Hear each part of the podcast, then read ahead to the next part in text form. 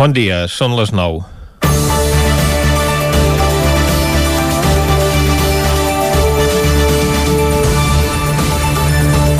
Fa uns dies us parlàvem de la preocupació dels ajuntaments del Vallès Oriental per on passa la AP7 pels ingressos que deixaran de percebre de Vertis en concepte d'IBI amb la fi de la concessió el 31 d'agost. Els diners s'ingressen en funció de l'espai que ocupa l'autopista al seu terme municipal i en aquest concepte també hi compten les àrees de servei que tenen alguns. Així, Sant Celoni serà el municipi de la comarca que més diners deixarà d'ingressar. 470.000 euros que representen una quarantena part del seu pressupost. En d'altres, el percentatge d'aquest ingrés és molt superior en el global dels comptes municipals, mentre que Cardedeu és el que menys hi sortirà perdent perquè només ingressava 44.000 euros per aquest concepte. La situació és comú a molts municipis catalans que en total deixaran d'ingressar més de 14 milions d'euros quan expirin les concessions a les autopistes catalanes. Una quantitat que només es cobrava des de 2017 perquè anteriorment la concessionària tenia una bonificació del 95% de l'impost. Alguns ajuntaments arreu del país ja han començat a organitzar-se per reclamar compensacions al Ministeri de Transports, Mobilitat i Agenda Urbana, que és en qui revertirà la titularitat de la via, ja que per molts eh, aquests diners són una part essencial per mantenir serveis. Però no ens enganyem, tots aquests diners no deixaran de sortir dels propis usuaris, dels mateixos veïns d'aquestes poblacions que havien d'utilitzar aquestes infraestructures per desplaçar-se passant per caixa. A vegades l'atracament era de tal magnitud que un dels ajuntaments més afectats pel preu del peatge en relació a la distància recorreguda, Mollet, posava el crit al cel i aconseguia descomptes per als seus veïns. La construcció d'aquestes infraestructures ha suposat durant dècades un greuge comparatiu per la població catalana. Com tantes altres no haguessin estat possibles sense la intervenció de la iniciativa privada però el preu dels peatges ha suposat un negoci rodó durant més de 50 anys per les concessionàries. I mentre els catalans havien de pagar per sortir de casa, el govern espanyol anava creant al centre i sud de la península una xarxa de modernes vies ràpides gratuïtes, encara que no tinguessin massa crítica de conductors, com passa amb les autovies buides d'Extremadura. Finalment, el govern espanyol també autoritzaria la construcció d'autopistes de peatge al voltant de Madrid però com que els madrilenys, gratar-se la butxaca els cou més que els catalans, no les utilitzaven perquè prefereixen les vies gratuïtes. Un cop feta l'operació urbanística i han guanyat els seus diners les constructores, ara l'Estat les ha hagut de rescatar amb els diners de tots per evitar que facin fallida. Que a Catalunya desapareguin els peatges a les autopistes serà un gran pas endavant en l'harmonització d'aquestes infraestructures, el futur de les quals encara no està resolt perquè el Ministeri no ha desenvolupat encara cap model de manteniment i ningú no ha explicat com quedarà el funcionament d'aquestes vies d'aquí a 5 mesos. Comencem Territori 17, a la sintonia del 9 FM, la veu de Sant Joan, Ona Codinenca, Ràdio Cardedeu i el 9 TV. Territori 17, amb Vicenç Vigues i Jordi Sunyer. Són les 9 i 3 minuts i mig del dijous, dia 29 d'abril de 2021. Comença aquí un nou Territori 17 que avui, com sempre, durant la primera hora us acostarà tota l'actualitat de les nostres comarques. Després, a partir de les 10, un nou butlletí informatiu, entrevista. Avui anirem al cinema parlant dels Oscars de la mà de la Núria Lázaro. Recuperarem la secció de paraules i curiositats del català amb Cristina Enfruns i acabarem al punt de les 12 del migdia amb el racó de pensar amb Maria López. Tot això i moltes coses més des d'ara i fins a les 12. I el que toca per arrencar és fer un repàs a l'actualitat de casa nostra, a l'actualitat de les comarques del Ripollès, Osona, el Moianès i el Vallès Oriental.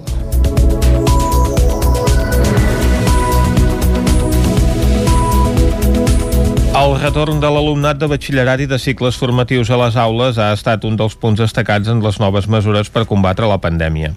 Des d'aquest dilluns, els estudiants han pogut abandonar el model híbrid de classes per recuperar la presencialitat i el balanç que en feien ahir era molt positiu. La flexibilització de les mesures per la contenció de la Covid-19 vigent des de dilluns ha tingut efectes directes als ensenyaments postobligatoris. L'alumnat de batxillerat i cicles formatius ha pogut abandonar el model híbrid que tenien des de principi de curs i han tornat a les aules. A l'Institut Sirvianum de Torelló destacaven ahir que això ha suposat un alleujament per alumnes i professors. Sentim en primer lloc els alumnes Biel Catxón de primer de batxillerat i a Jordi Forcada, estudiant de sistemes microinformàtics i xarxes tot i que l'híbrid vam, seguir prou, vam poder seguir prou bé, sí que eh, ho hem trobat això tota la classe, que és millor ser a classe perquè així és més fàcil, la comunicació professor-alumne es fa més viable i així i, aprofita, i acabes d'aprofitar més les classes. Poder ser classe aquest últim mes, mes i mig que queda, ens pot ajudar que els, els exàmens finals ens surtin més bé i que puguem, podem treure més bones notes tots. Ha sigut interessant conèixer els companys que no els coneixíem gairebé i bueno, ara estem fent més relacions i això, ja que ni ens coneixíem. Per seguir millor les classes també, com més companys jo penso que és més fàcil, perquè així més gent participa i tot això, i es fan com més dinàmiques. Pels professors el canvi també és positiu i destaquen que els facilita la seva tasca. Sentim a Vicent Vendrell, professor i coordinador de cicles formatius de l'Institut Sirvianum. Clar, ara ja estan tots aquí, dic, no he d'estar pendent de la càmera, de que em vegin que estic explicant, me vaig aixecar i vaig poder explicar la pissarra de peu. I podíem moure'm per l'aula i tots em sentien. I dius, ostres, quant de temps sense poder fer això la veritat és que s'agraeix també, eh? per nosaltres ens facilita molt la feina. La tornada és especialment important pels alumnes de segon de batxillerat per poder preparar millor la selectivitat que s'ha de fer del 8 a l'11 de juny, ho explica Jesús Calonja, director del Sirvianum. Nosaltres concretem tots els exàmens en una setmana i ho portem fent des de l'últim trimestre de primer de, de batxillerat i cada trimestre de segon de batxillerat. Per què? Perquè ens, ens fem exercicis de pràctica. No? Si la selectivitat consisteix, abans eren 3, ara són 4 dies tots els exàmens, nosaltres concentrem perquè perquè es vagin acostumant a aquesta dinàmica de la manera de fer exàmens. La pandèmia haurà deixat noves maneres de treballar i recursos que s'han hagut de preparar i que ja serviran per generacions futures. La relació de les vacunes contra la Covid-19 d'AstraZeneca i Janssen, amb casos poc freqüents de trombosi, ha estat notícia aquestes últimes setmanes. Per treure'n l'aigua clara, n'hem parlat amb la cap del Servei de Farmàcia del Consorci Hospitalari de Vic, Leo Monell. El risc de patir una trombosi entre les dones que prenen anticonceptius és d'entre 500 i 1.000 per cada milió de pacients i el que s'està veient amb la vacuna d'AstraZeneca contra la Covid-19 és de 4 casos per cada milió de vacunats. Per analitzar aquesta comparació, la cap dels serveis de farmàcia del Consorci Hospitalari de Vic, Leo Monell, considera que cal tenir en compte diversos elements el risc de les vacunes és molt inferior que el benefici. Això està clar. I l'altra premissa és que la gent que ha patit Covid i que han estat eh, més greus, hi ha un 35% de mortalitat deguda a la trombosi. Per tant, anem-ho a prevenir, tenint en compte el risc que hi ha. La informació és clau per saber els efectes adversos de les vacunes i també de qualsevol fàrmac. Per això, quan es prenen medicaments, el pacient ha de tenir clares les possibles contraindicacions. Leo Monell cap medicament està exempt de risc, evidentment. Llavors sempre s'ha de valorar el, el binomi benefici-risc. Però evidentment s'han de conèixer. I per què s'han de conèixer? Perquè si tu els assaig tindràs la possibilitat de prevenir-los o de minimitzar-los. L'edat, el sexe o l'ètnia constitueixen factors de risc davant de determinats medicaments. Entre els efectes secundaris d'un fàrmac de consum habitual, com el paracetamol, hi ha problemes hepàtics. En el cas de l'ibuprofè, els problemes més freqüents són els efectes gastrointestinals. El ple de l'Ajuntament de Granollers ha donat llum verda a la creació d'una comissió per estudiar el model de gestió del servei de subministrament d'aigua potable. Un debat obert, ja que el pròxim mes d'octubre s'acaba la concessió de 50 anys que tenia l'empresa Sorea. David Auladell, de Ràdio Televisió, Cardedeu. El ple ha aprovat la constitució d'aquesta comissió que estarà integrada per nou membres de la corporació amb representants de tots els partits. Hi haurà també un representant de la Federació d'Associacions de Veïns de Granollers i nou tècnics municipals.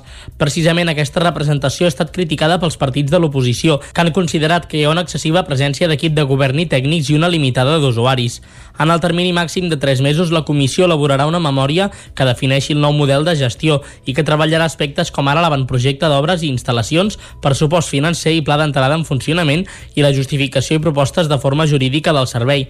El pròxim mes de juliol es preveu que es porti a aprovació del ple l'esmentada memòria. El punt ha estat aprovat amb els vots a favor del PSC, Junts i Ciutadans i les abstencions d'Esquerra i Primàries. Fa uns dies ja es va fer davant de l'Ajuntament una concentració per demanar la municipalització del servei d'aigua un cop finalitzi el contracte amb Sorea. L'Ajuntament de Sant Feliu de Codines valora positivament el canvi de velocitat màxima que s'ha aplicat a la carretera de Sant Miquel del Fai. Tot i això, des del consistori, consideren que encara és aviat per fer una valoració global. Caral Campàs, des d'Ona Codinenca. Fa escassos dies que la Diputació de Barcelona ha instal·lat nova senyalització per regular el trànsit a la carretera de Sant Miquel del Fai. El límit de velocitat en aquesta via estreta i de revolts era a 90 km per hora i ara és a 50. Aquesta modificació arriba després que alguns veïns denunciessin la inseguretat de la via, on confluïen durant els caps de setmana cotxes a una velocitat excessiva amb excursionistes i famílies. Mercè Serratacó, alcaldessa de Sant Feliu, ha valorat positivament aquesta modificació d'alguna manera tranquil·litza més, clar, vull dir, ja són, són unes mesures que, que d'alguna manera quan la gent pretén anar a córrer a Sant Miquel doncs es troben que la carretera ja té més, el límit molt més baix de velocitat. No vol dir que ens puguem trobar doncs, amb gent que s'ho salti, això ja ho sabem, però sí que és cert que si, si el límit de velocitat eh, està molt més baix, és molt més fàcil de poder intervenir la policia els Mossos en multar la gent quan passin d'aquests 50 km per hora o 30 en alguns trams. Tot i això, des del consistori consideren que encara és aviat per fer un balanç global dels resultats del nou límit de velocitat. De totes maneres, ja dic, crec que ens hem d'esperar una mica encara per saber si realment està funcionant o no, i potser un, uns dies més a veure què ens diuen els Mossos, perquè realment són ells els que faran més el control. A més, Serratocó ha explicat en declaracions a una codinenca que des del consistori, juntament amb policia local i Mossos, segueixen realitzant gestions per millorar la carretera B-1485. Volen aconseguir tenir radars fixos per tal de multar la gent que no compleix amb el límit de velocitat i així facilitar la feina als agents de seguretat que necessiten confirmació visual per poder imposar multes. Tombada la moció per reclamar una auditoria pública sobre el Bike Park de Ripoll en un debat calent que va tenir lloc durant el ple de dimarts. Isaac Muntades, des de la veu de Sant Joan. La instal·lació d'un bike park en una finca de la muntanya del Puig de la Devesa de Ripoll, just al costat del terme municipal de Can Dànol, va aglutinar tot el debat en el ple municipal d'aquest dimarts. Els grups municipals van debatre durant una hora la moció presentada per l'alternativa per Ripoll CUP que demanava una auditoria pública per conèixer més detalls del projecte tècnic i que es presentés en un acte públic en el termini d'un mes davant de la ciutadania. Junts per Ripoll i la regidora no escrita Sílvia Oriols van tombar la moció que va rebre el suport dels copaires i d'Esquerra Republicana de Catalunya. En canvi, el PSC es va fer enrere en veure que el projecte encara no estava madur i va optar per l'abstenció en comptes del vot positiu que havia verbalitzat a l'inici. L'alcalde Jordi Monell i el regidor de Serveis al Territori, Sostenibilitat i Empresa, Joaquim Colomer, van apuntar que es tractava d'un projecte amb una inversió estimada de 8 milions d'euros per part de l'empresa Elevated MTV, vinculada amb la Federació Catalana de Ciclisme, que portaria uns 50.000 visitants anuals que respondrien a un perfil de turisme familiar. Fent números, Monell va dir que tindria una repercussió econòmica pel municipi de 16 milions d'euros, a més d'insistir que el projecte seria bo pel comerç i sector turístic de la vila i respectava el medi ambient i que utilitzaria energia energia verda al 100%. L'alcalde va assenyalar que l'Ajuntament havia signat un document d'intencions en què el consistori es comprometia a facilitar la inversió sempre que complís totes les normes urbanístiques. De fet, Monell va insistir en que es tractava d'una iniciativa privada i que no podien fer una audiència pública com no la farien si s'instal·lés un gelater al municipi, però sí en el cas de la Devesa del Pla, que és un espai de domini públic. L'alcalde també va carregar contra el porteu de l'alternativa, Aitor Carmona, per no oferir alternatives. Els escrits que fan al Twitter deien a les nits hi havia tenalles a tallar els filats i amb els malls a fer no sé què més. I ens parlen del monocultiu turístic. O sigui, fa quatre dies els estaven demanant de poder portar indústries a Can Franquesa i ens deien que no. I ara que tenim un projecte de 8 milions turístic també ens diuen que no. Ah, escolti'm, això crec que són excuses per, al final per justificar el no. El no pel no. No indústria, no empreses, no turisme, no bike park, el no no. Deuen ser els del no no. I es diuen antisistema, jo els diria l'anti-ripoll, no? perquè tot és no. Turisme no, indústria no, al final crec que algú, algú ha de defensar que puguem viure i treballar a pobles i ciutats com Ripoll. Carmona va replicar-li dient que no s'havia tingut en compte la gent del territori, que havien estat poc transparents i que se n'havien assabentat per la premsa, a més de tornar a reclamar explicacions sobre el projecte. En tot cas, qui ha de donar explicacions és l'Ajuntament, perquè al final, com ha dit, doncs és un col·laborador necessari per aquest projecte, ens afecta, per molt que siguin activitats privades, ens afecta el que passa a dintre del municipi, com ha dit el senyor Bosch, nosaltres decidim quin tipus de municipi volem, i quan això té una afectació clara eh, en l'entorn, com pot ser el cas, doncs òbviament penso que, que la gent de Ripoll doncs, eh, mereix saber-ho. Per tant, l'audiència pública és per vostès, és perquè vostè, doncs això que ens diu ara de, del transport col·lectiu, que és una informació que ningú sabia, perquè ningú la, fa, la facilitada, doncs es puguin dir, es puguin explicar, perquè no sabem quines informacions més ens amaga a part d'aquesta. Sobre el transport col·lectiu, l'alcalde va explicar que havien acordat amb l'empresa que un vehicle elèctric portés els usuaris fins al bike park perquè no haguessin de venir en cotxe particular. Des d'Esquerra, el seu portaveu, Roger Bosch, deia que el consistori havia de caminar cap a un model de més transparència i que havien de ser valents per defensar el projecte que d'entrada veien amb bons ulls. Vic va acollir dilluns la presentació dels camps de treball que la Direcció General de Joventut organitza anualment a tot Catalunya.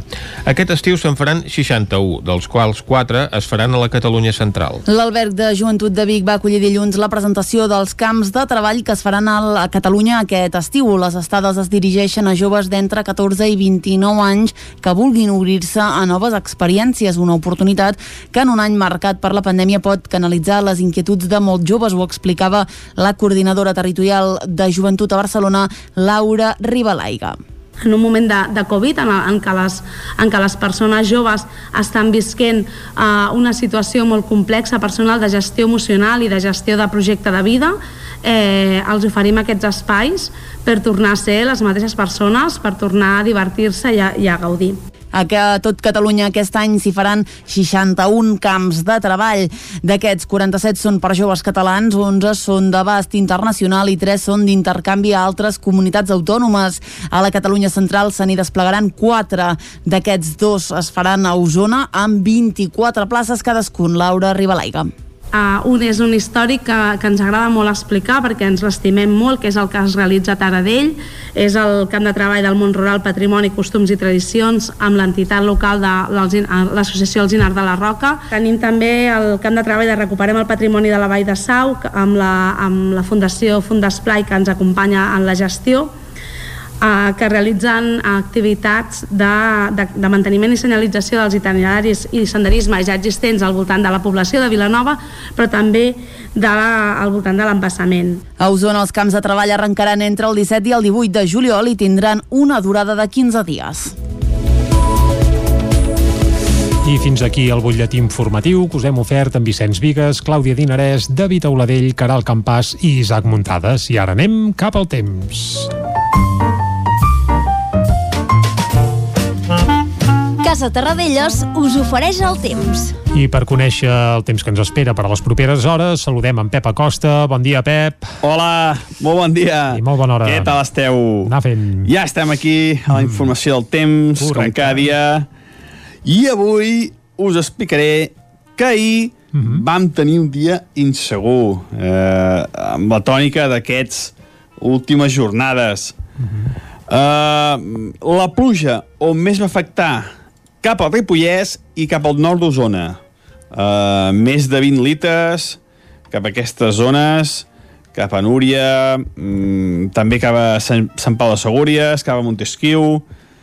Més de 20 litres, pluja molt bona, molt ben caiguda, molt aprofitada, excel·lents notícies per aquelles zones. Cap al prelitoral, molt poca cosa, eh? Les temperatures ahir, molt a ratlla, molt, màximes entre els 15, 16 i 17 graus a tot estirar, eh, 13, per exemple, graus només a mullar de màxima, una temperatura molt, molt baixa mm -hmm. per l'època de l'any en, la que, en la que estem. I els vents variables, sobretot de sud. Uh, el que vaig pronosticar es va complir bastant, eh? Jo, jo pensava que poder ploure una mica més cap al peritoral, es va quedar la pluja molt estringida cap al nord, però bueno, els mapes van, van, van ser bastant fidels al que va passar al, al final el dia d'ahir. I hem parat prou del passat, anem pel dia d'avui. Doncs va, anem, anem, anem. Uh, avui serà un dia també molt inestable.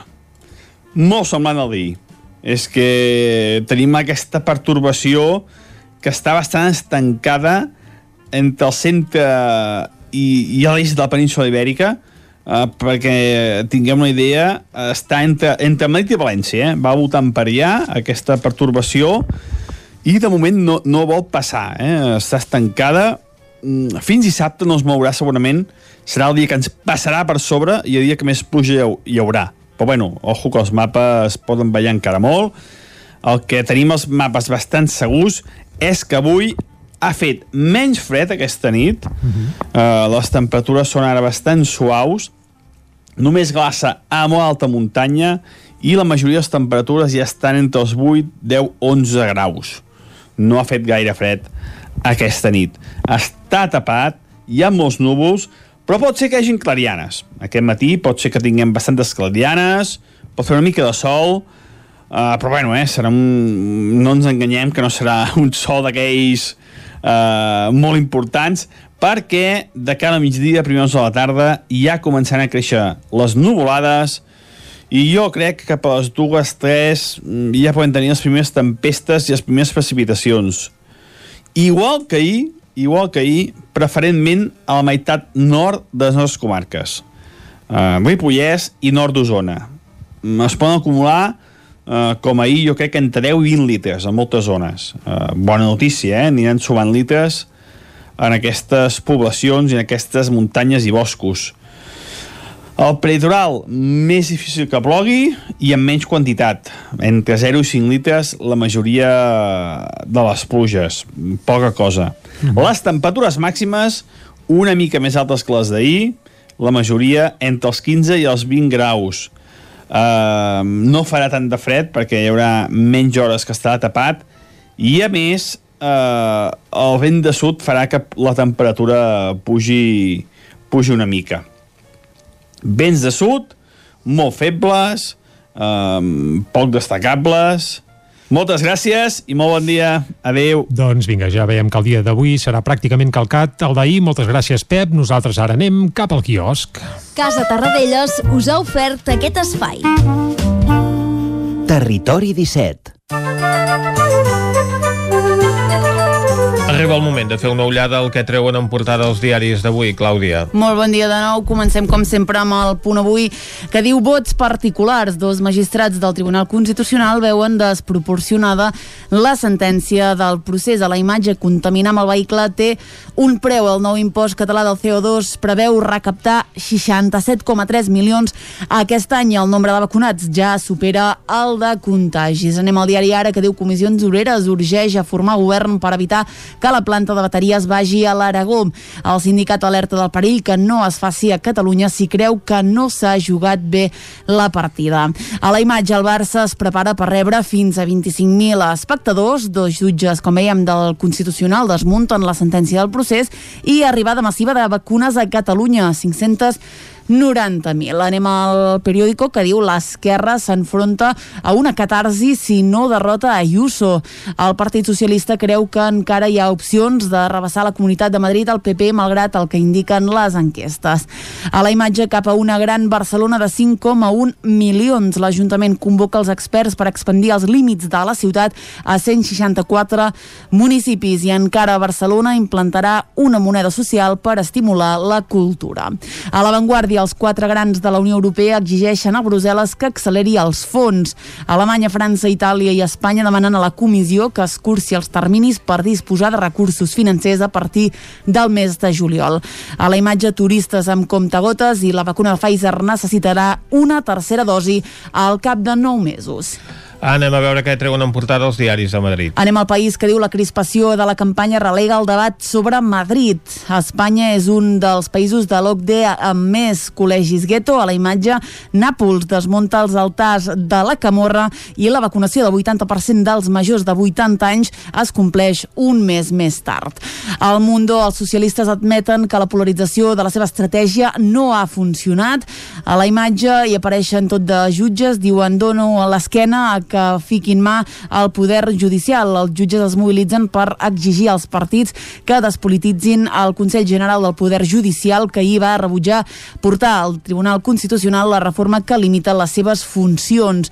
I encara en el marc de la justícia, el Tribunal Constitucional precisament nega la desproporció de les penes per sedició del procés. Uh, anem acabant, anem a la raó que diu les comunitats tindran un estat d'alarma a la carta. A la imatge hi veiem el rei que reivindica el paper del Consell d'Estat de i la policia creu que hi ha un grup organitzat de, de, darrere de les cartes bala que van arribant aquests dies. Acabem amb l'ABC que diu Espanya puja impostos mentre els grans d'Europa els baixen i a la imatge els immigrants podran sortir de Canàries només demanant l'asil.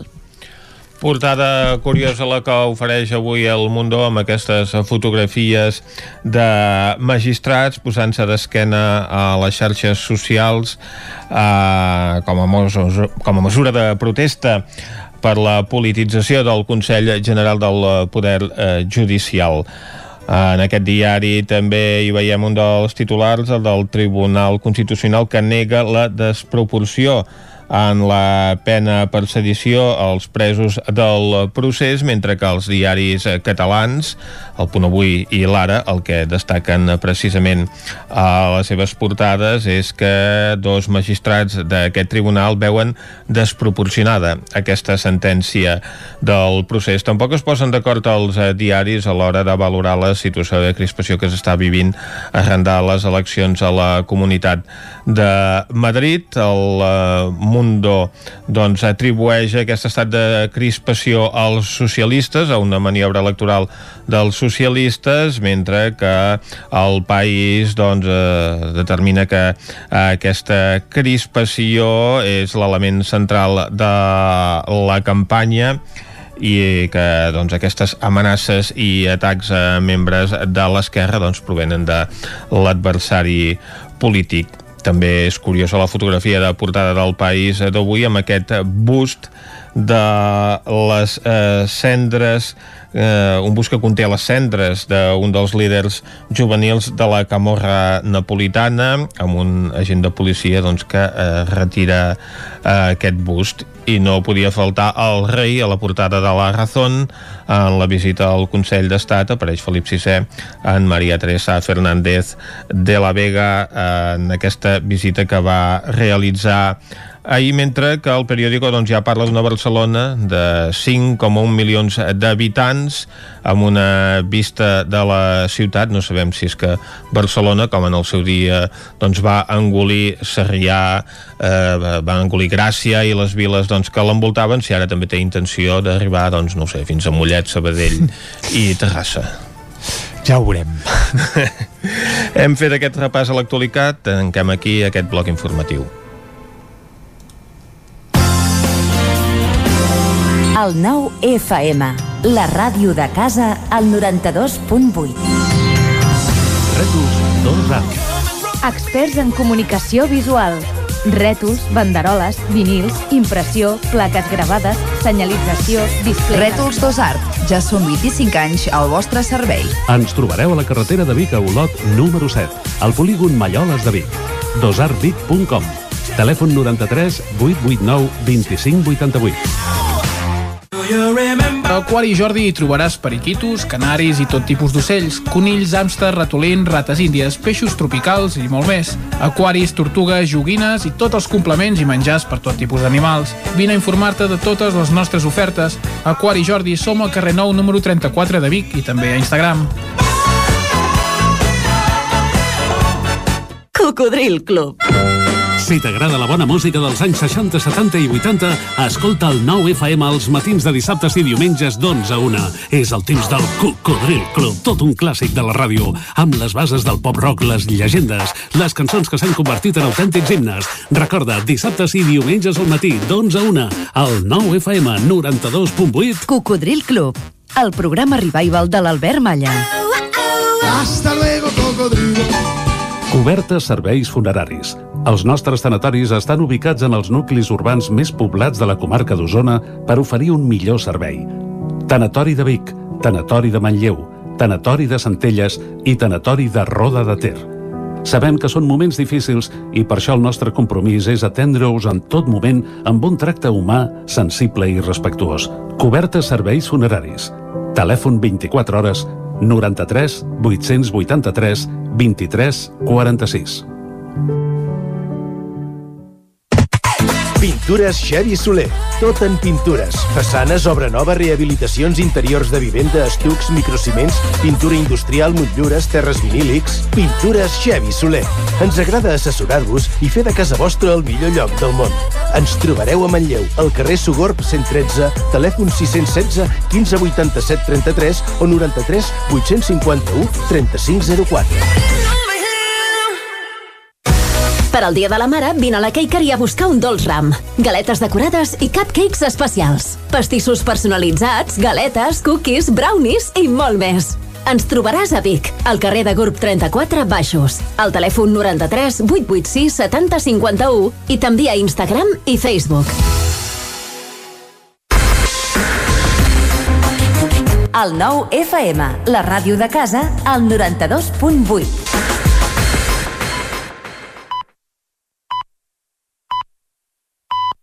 Territori 17, amb Vicenç Vigues i Jordi Sunyer. Dos quarts de deu en punt del matí d'avui dijous, dia 29 d'abril de 2021. Seguim en directe aquí a Territori 17 i de seguida us acostarem l'actualitat de les nostres comarques. Després a les 10 seguirem amb un nou butlletí informatiu, amb més informació. Anirem a l'entrevista. Avui, com que és dijous, també passarem pel cinema per conèixer la cartellera d'aquest proper cap de setmana, però també per fer un cop d'ull a la gran gala dels Oscars que es va fer fa un parell de matinades.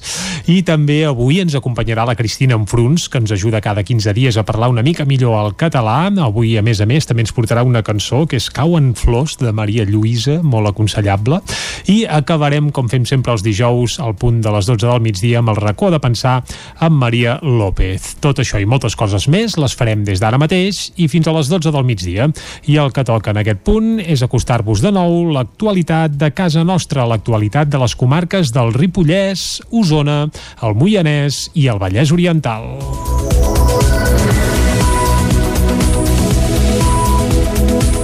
El retorn de l'alumnat de batxillerat i de cicles formatius a les aules ha estat un dels punts destacats en les noves mesures per combatre la pandèmia. Des d'aquest dilluns, els estudiants han pogut abandonar el model híbrid de classes per recuperar la presencialitat i el balanç que en feien ahir era molt positiu. La flexibilització de les mesures per la contenció de la Covid-19 vigent des de dilluns ha tingut efectes directes als ensenyaments postobligatoris. L'alumnat de batxillerat i cicles formatius ha pogut abandonar el model híbrid que tenien des de principi de curs i han tornat a les aules. A l'Institut Sirvianum de Torelló destacaven ahir que això ha suposat un alleujament per alumnes i professors. Sentim en primer lloc els alumnes Biel Catxón de primer de batxillerat i a Jordi Forcada, estudiant de sistemes microinformàtics i xarxes tot i que l'híbrid vam, seguir prou, vam poder seguir prou bé, sí que ho hem trobat això tota la classe, que és millor ser a classe perquè així és més fàcil, la, la comunicació professor-alumne es fa més viable i així i, aprofita, i acabes d'aprofitar més les classes. Poder ser classe aquest últim mes, mes i mig que queda, ens pot ajudar que els, els exàmens finals ens surtin més bé i que puguem, puguem treure més bones notes tots. Ha sigut interessant conèixer els companys que no els coneixíem gairebé i bueno, ara estem fent més relacions i això, ja que ni ens coneixíem. Per seguir millor les classes també, com més companys jo penso que és més fàcil perquè així més gent participa i tot això i es fan com més dinàmiques. Pels professors el canvi també és positiu i destaquen que els facilita la seva tasca. Sentim a Vicent Vendrell, professor i coordinador de cicles formatius de l'Institut Sirvianum. Clar, ara ja estan tots aquí. Dic, no he d'estar pendent de la càmera, de que em vegin, que estic explicant. Me vaig aixecar i vaig poder explicar la pissarra de peu i podíem moure'm per l'aula i tots em sentien i dius, ostres, quant de temps sense poder fer això la veritat és que s'agraeix també eh? per nosaltres ens facilita molt la feina la tornada és especialment important pels alumnes de segon de batxillerat per poder preparar millor la selectivitat que s'ha de fer del 8 a l'11 de juny, ho explica Jesús Calonja, director del Sirvianum nosaltres concretem tots els exàmens en una setmana i ho portem fent des de l'últim trimestre de primer de, de batxillerat i cada trimestre de segon de batxillerat. Per què? Perquè els, ens fem exercicis de pràctica. No? Si la selectivitat consisteix, abans eren 3, ara són 4 dies tots els exàmens, nosaltres concentrem perquè perquè es vagin acostumant a aquesta dinàmica de la manera de fer exàmens. La pandèmia haurà deixat noves maneres de treballar i recursos que s'han hagut de preparar i que ja serviran per generacions futures. La relació de les vacunes contra la Covid-19 d'AstraZeneca i Janssen amb casos poc freqüents de trombosi ha estat notícia aquestes últimes setmanes. Per treure'n l'aigua clara, n'hem parlat amb la cap del Servei de Farmàcia del Consorci Hospitalari de Vic, Leo Monell. El risc de patir una trombosi entre les dones que prenen anticonceptius és d'entre 500 i 1.000 per cada milió de pacients i el que s'està veient amb la vacuna d'AstraZeneca contra la Covid-19 és de 4 casos per cada milió de vacunats. Per analitzar aquesta comparació, la cap dels serveis de farmàcia del Consorci Hospitalari de Vic, Leo Monell, considera que cal tenir en compte diversos elements el risc de les vacunes és molt inferior que el benefici. Això està clar. I l'altra premissa és que la gent que ha patit Covid i que han estat eh, més greus, hi ha un 35% de mortalitat deguda a la trombosi. Per tant, anem-ho a prevenir, tenint en compte el risc que hi ha. La informació és clau per saber els efectes adversos de les vacunes i també de qualsevol fàrmac. Per això, quan es prenen medicaments, el pacient ha de tenir clares les possibles contraindicacions. Leo Monell cap medicament està exempt de risc, evidentment. Llavors sempre s'ha de valorar el, el binomi benefici-risc. Però evidentment s'han de conèixer. I per què s'han de conèixer? Perquè si tu els assaig tindràs la possibilitat de prevenir-los o de minimitzar-los. L'edat, el sexe o l'ètnia constitueixen factors de risc davant de determinats medicaments. Entre els efectes secundaris d'un fàrmac de consum habitual, com el paracetamol, hi ha problemes hepàtics. En el cas de l'ibuprofè, els problemes més freqüents són els efectes gastrointestinals. El ple de l'Ajuntament de Granollers ha donat llum verda a la creació d'una comissió per estudiar el model de gestió del servei de subministrament d'aigua potable. Un debat obert, ja que el pròxim mes d'octubre s'acaba la concessió de 50 anys que tenia l'empresa Sorea. David Auladell, de Ràdio Televisió, Cardedeu. El ple ha aprovat la constitució d'aquesta comissió que estarà integrada per nou membres de la corporació amb representants de tots els partits. Hi haurà també un representant de la Federació d'Associacions de Veïns de Granollers i nou tècnics municipals. Precisament aquesta representació ha estat criticada pels partits de l'oposició, que han considerat que hi ha una excessiva presència d'equip de govern i tècnics i una limitada d'usuaris. En el termini màxim de tres mesos, la comissió elaborarà una memòria que defineixi el nou model de gestió i que treballarà aspectes com ara l'avantprojecte d'obres i instal·lacions per suposar pressupost financer i pla d'entrada en funcionament i la justificació i propostes de forma jurídica del servei. El pròxim mes de juliol es preveu que es porti a aprovació del ple l'esmentada memòria. El punt ha estat aprovat amb els vots a favor del PSC, Junts i Ciutadans i les abstencions d'Esquerra i Primàries. Fa uns dies ja es va fer davant de l'Ajuntament una concentració per demanar la municipalització del servei d'aigua un cop finalitzi el contracte amb Sorea. L'Ajuntament de Sant Feliu de Codines valora positivament el canvi de velocitat màxima que s'ha aplicat a la carretera de Sant Miquel del Fai. Tot i això, des del consistori, consideren que encara és aviat per fer una valoració global. Caral Campàs, des d'Ona Codinenca. Fa escassos dies que la Diputació de Barcelona ha instal·lat nova senyalització per regular el trànsit a la carretera de Sant Miquel del Fai. El límit de velocitat en aquesta via estreta i de revolts era a 90 km per hora i ara és a 50. Aquesta modificació arriba després que alguns veïns denunciessin la inseguretat de la via on confluïen durant els caps de setmana cotxes a una velocitat excessiva amb excursionistes i famílies. Mercè Serratacó, alcaldessa de Sant Feliu, ha valorat positivament aquesta modificació d'alguna manera tractitza més, clar, vull dir, ja són, són unes mesures que, que d'alguna manera quan la gent pretén anar a córrer a Sant Miquel doncs es troben que la carretera ja té més, el límit molt més baix de velocitat. No vol dir que ens puguem trobar doncs, amb gent que s'ho salti, això ja ho sabem. Però sí que és cert que si, si el límit de velocitat eh, està molt més baix, és molt més fàcil de poder intervenir la policia o els Mossos en multar la gent quan passin d'aquests 50 km per hora o 30 en alguns trams. Tot i això, des del consistori consideren que encara és aviat per fer un balanç global dels resultats del nou límit de velocitat. De totes maneres, ja dic, crec que ens hem d'esperar una mica encara per saber si realment està funcionant o no, i potser un, uns dies més a veure què ens diuen els Mossos, perquè realment són ells els que faran més el control. A més, Serratocó ha explicat en declaracions a una codinenca que des del consistori, juntament amb policia local i Mossos, segueixen realitzant gestions per millorar la carretera BB-1485. Volen aconseguir tenir radars fixos per tal de multar la gent que no compleix amb el límit de velocitat i així facilitar la feina als agents de seguretat que necessiten confirmació visual per poder imposar multes. Tombada la moció per reclamar una auditoria pública sobre el Bike Park de Ripoll en un debat calent que va tenir lloc durant el ple de dimarts. Isaac Muntades, des de la veu de Sant Joan. La instal·lació d'un bike park en una finca de la muntanya del Puig de la Devesa de Ripoll, just al costat del terme municipal de Can Dànol, va aglutinar tot el debat en el ple municipal d'aquest dimarts. Els grups municipals van debatre durant una hora la moció presentada per l'alternativa per Ripoll CUP que demanava una auditoria pública per conèixer més detalls del projecte tècnic i que es presentés en un acte públic en el termini d'un mes davant de la ciutadania. Junts per Ripoll i la regidora no escrita Sílvia Oriols van tombar la moció que va rebre el suport dels copaires i d'Esquerra Republicana de Catalunya. En canvi, el PSC es va fer enrere en veure que el projecte encara no estava madur i va optar per l'abstenció en comptes del vot positiu que havia verbalitzat a l'inici. L'alcalde Jordi Monell i el regidor de Serveis al Territori, Sostenibilitat i Empresa, Joaquim Colomer, van apuntar que es tractava d'un projecte amb una inversió estimada de 8 milions d'euros per part de l'empresa Elevated MTV, vinculada amb la Federació Catalana de Ciclisme, que portaria uns 50.000 visitants anuals que respondrien a un perfil de turisme familiar. Fent números, Monell va dir que tindria una repercussió econòmica pel municipi de 16 milions d'euros, a més d'insistir que el projecte seria bo pel comerç i sector turístic de la vila i respectava el medi ambient i que utilitzaria energia energia verda al 100%. L'alcalde va assenyalar que l'Ajuntament havia signat un document d'intencions en què el consistori es comprometia a facilitar la inversió sempre que complís totes les normes urbanístiques. De fet, Monell va insistir en que es tractava d'una iniciativa privada i que no podien fer una audiència pública com no la farien si s'instal·lés un gelater al municipi, però sí en el cas de la Devesa del Pla, que és un espai de domini públic. L'alcalde també va carregar contra el porteu de l'alternativa, Aitor Carmona, per no oferir alternatives. Els escrits que fan el Twitter deien que a les nits hi havia tenalles de tallar els filats i amb els malls a fer no sé què més, i ens parlen del monocultiu turístic, o si fa quatre dies els estaven demanant de poder portar indústries a Can Franquesa i ens deien que no, i ara que tenim un projecte de 8 milions turístic també ens diuen que no.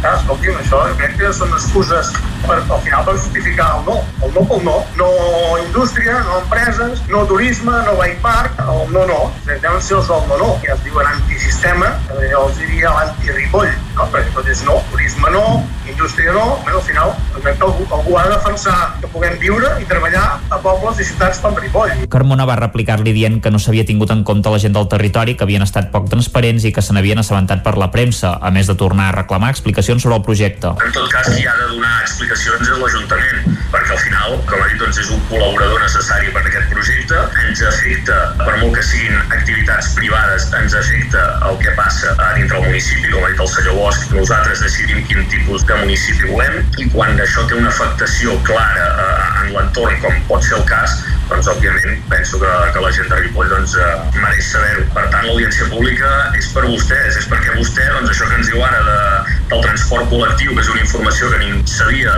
perquè ningú la, fa, la facilitada, doncs es puguin dir, es puguin explicar, perquè no sabem quines informacions més ens amaga a part d'aquesta. Sobre el transport col·lectiu, l'alcalde va explicar que havien acordat amb l'empresa que un vehicle elèctric portés els usuaris fins al bike park perquè no haguessin de venir en cotxe particular. Des d'Esquerra, el seu portaveu, Roger Bosch, deia que el consistori havia de caminar cap a un model de més transparència i que havien de ser valents per defensar el projecte, que d'entrada veien amb bons ulls. Vic va acollir dilluns la presentació dels camps de treball que la Direcció General de Joventut organitza anualment a tot Catalunya.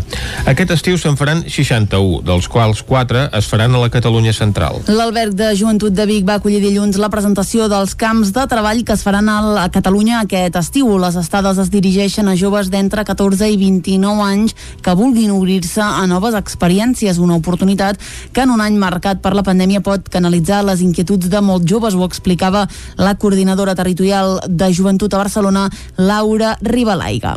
En un moment de, de Covid en, en, què les, en què les persones joves estan visquent uh, una situació molt complexa personal de gestió emocional i de gestió de projecte de vida eh, els oferim aquests espais per tornar a ser les mateixes persones per tornar a divertir-se i, i a gaudir a que tot Catalunya aquest any s'hi faran 61 camps de treball. D'aquests, 47 són per joves catalans, 11 són d'abast internacional i 3 són d'intercanvi a altres comunitats autònomes. A la Catalunya central se n'hi desplegaran 4. D'aquests dos es faran a Osona amb 24 places cadascun. Laura Ribalaiga. Uh, un és un històric que, que ens agrada molt explicar perquè ens l'estimem molt, que és el que es realitza a Taradell, és el camp de treball del món rural, patrimoni, costums i tradicions amb l'entitat local de, de l'associació Alzinar de la Roca. Tenim també el camp de treball de Recuperem el patrimoni de la Vall de Sau amb la, amb la Fundació Fundesplai que ens acompanya en la gestió eh, que realitzen activitats de, de, de manteniment i senyalització dels itineraris i senderisme ja existents al voltant de la població de Vilanova, però també de, al voltant de l'embassament. A Osona els camps de treball arrencaran entre el 17 i el 18 de juliol i tindran una durada de 15 dies. I fins aquí el butlletí informatiu que us hem ofert amb Vicenç Vigues, Clàudia Dinarès, David Auladell, Caral Campàs i Isaac Muntades. I ara anem cap al temps. Casa Terradellos us ofereix el temps. I per conèixer el temps que ens espera per a les properes hores, saludem en Pep Acosta. Bon dia, Pep. Hola, molt bon dia. I molt bona hora. Què tal esteu? Anar fent. Ja estem aquí a la informació del temps, Correcte. com cada dia. I avui us explicaré que ahir uh -huh. vam tenir un dia insegur, eh, amb la tònica d'aquests últimes jornades. Uh -huh. uh, la pluja on més va afectar cap al Ripollès i cap al nord d'Osona. Uh, més de 20 litres cap a aquestes zones, cap a Núria, mm, també cap a Sant, Sant Pau de Segúries, cap a Montesquieu, més de 20 litres, pluja molt bona, molt ben caiguda, molt aprofitada, excel·lents notícies per aquelles zones. Cap al prelitoral, molt poca cosa, eh? Les temperatures ahir, molt a ratlla, molt, màximes entre els 15, 16 i 17 graus a tot estirar, eh, 13, per exemple, graus només a mullar de màxima, una temperatura molt, molt baixa mm -hmm. per l'època de l'any en, la que, en la que estem. I els vents variables, sobretot de sud. Uh, el que vaig pronosticar es va complir bastant, eh? Jo, jo em pensava que poder ploure una mica més cap al peritoral, es va quedar la pluja molt estringida cap al nord, però bueno, els mapes van, van, van ser bastant fidels al que va passar al, al final el dia d'ahir. I hem parat prou del passat, anem pel dia d'avui. Doncs va, anem, anem, anem. Uh, avui serà un dia també molt inestable. Molt semblant al d'ahir és que tenim aquesta pertorbació que està bastant estancada entre el centre i, i l'eix de la península ibèrica eh, perquè tinguem una idea està entre, entre Madrid i València eh? va voltant per allà aquesta pertorbació i de moment no, no vol passar eh? està estancada mm, fins dissabte no es mourà segurament serà el dia que ens passarà per sobre i el dia que més pluja hi haurà però bueno, ojo que els mapes poden ballar encara molt. El que tenim els mapes bastant segurs és que avui ha fet menys fred aquesta nit, uh -huh. uh, les temperatures són ara bastant suaus, només glaça a molt alta muntanya i la majoria de les temperatures ja estan entre els 8, 10, 11 graus. No ha fet gaire fred aquesta nit. Està tapat, hi ha molts núvols, però pot ser que hi hagin clarianes. Aquest matí pot ser que tinguem bastantes clarianes, pot fer una mica de sol, uh, però bueno, eh, serà un... no ens enganyem que no serà un sol d'aquells uh, molt importants, perquè de cara a migdia, primers de la tarda, ja començaran a créixer les nuvolades, i jo crec que cap a les dues, tres, ja poden tenir les primeres tempestes i les primeres precipitacions. Igual que ahir, igual que ahir, preferentment a la meitat nord de les nostres comarques. Uh, Ripollès i nord d'Osona. Mm, es poden acumular, uh, com ahir, jo crec que entre 10 i 20 litres en moltes zones. Uh, bona notícia, eh? Aniran sumant litres en aquestes poblacions i en aquestes muntanyes i boscos. El prelitoral, més difícil que plogui i amb menys quantitat. Entre 0 i 5 litres, la majoria de les pluges. Poca cosa. Mm. Les temperatures màximes, una mica més altes que les d'ahir, la majoria entre els 15 i els 20 graus. Uh, no farà tant de fred perquè hi haurà menys hores que estarà tapat i a més uh, el vent de sud farà que la temperatura pugi, pugi una mica vents de sud, molt febles, um, poc destacables, Moltes gràcies i molt bon dia. Adéu. Doncs vinga, ja veiem que el dia d'avui serà pràcticament calcat el d'ahir. Moltes gràcies, Pep. Nosaltres ara anem cap al quiosc. Casa Tarradellas us ha ofert aquest espai. Territori 17 Arriba el moment de fer una ullada al que treuen en portada els diaris d'avui, Clàudia. Molt bon dia de nou. Comencem, com sempre, amb el punt avui que diu vots particulars. Dos magistrats del Tribunal Constitucional veuen desproporcionada la sentència del procés. A la imatge, contaminar amb el vehicle té un preu. El nou impost català del CO2 preveu recaptar 67,3 milions aquest any. El nombre de vacunats ja supera el de contagis. Anem al diari Ara, que diu Comissions Obreres urgeix a formar govern per evitar que la planta de bateries vagi a l'Aragó. El sindicat alerta del perill que no es faci a Catalunya si creu que no s'ha jugat bé la partida. A la imatge, el Barça es prepara per rebre fins a 25.000 espectadors. Dos jutges, com veiem, del Constitucional desmunten la sentència del procés i arribada massiva de vacunes a Catalunya, 500 90.000. Anem al periòdico que diu l'esquerra s'enfronta a una catarsi si no derrota Ayuso. El Partit Socialista creu que encara hi ha opcions de rebassar la Comunitat de Madrid al PP malgrat el que indiquen les enquestes. A la imatge cap a una gran Barcelona de 5,1 milions. L'Ajuntament convoca els experts per expandir els límits de la ciutat a 164 municipis i encara Barcelona implantarà una moneda social per estimular la cultura. A l'avantguàrdia, els quatre grans de la Unió Europea exigeixen a Brussel·les que acceleri els fons. Alemanya, França, Itàlia i Espanya demanen a la comissió que es cursi els terminis per disposar de recursos financers a partir del mes de juliol. A la imatge, turistes amb comptagotes i la vacuna de Pfizer necessitarà una tercera dosi al cap de nou mesos. Anem a veure què treuen en portada els diaris de Madrid. Anem al país que diu la crispació de la campanya relega el debat sobre Madrid. Espanya és un dels països de l'OCDE amb més col·legis gueto. A la imatge, Nàpols desmunta els altars de la Camorra i la vacunació del 80% dels majors de 80 anys es compleix un mes més tard. Al Mundo, els socialistes admeten que la polarització de la seva estratègia no ha funcionat. A la imatge hi apareixen tot de jutges, diuen dono a l'esquena a que fiquin mà al poder judicial. Els jutges es mobilitzen per exigir als partits que despolititzin el Consell General del Poder Judicial que ahir va rebutjar portar al Tribunal Constitucional la reforma que limita les seves funcions. I encara en el marc de la justícia, el Tribunal Constitucional precisament nega la desproporció de les penes per sedició del procés. Uh, anem acabant, anem a la raó que diu les comunitats uh, tindran un estat d'alarma a la carta. A la imatge hi veiem el rei que reivindica el paper del Consell d'Estat de i la policia creu que hi ha un grup organitzat des, de, darrere de les cartes bala que van arribant aquests dies. Acabem amb l'ABC que diu Espanya puja impostos mentre els grans d'Europa els baixen i a la imatge els immigrants podran sortir de Canàries només demanant l'asil.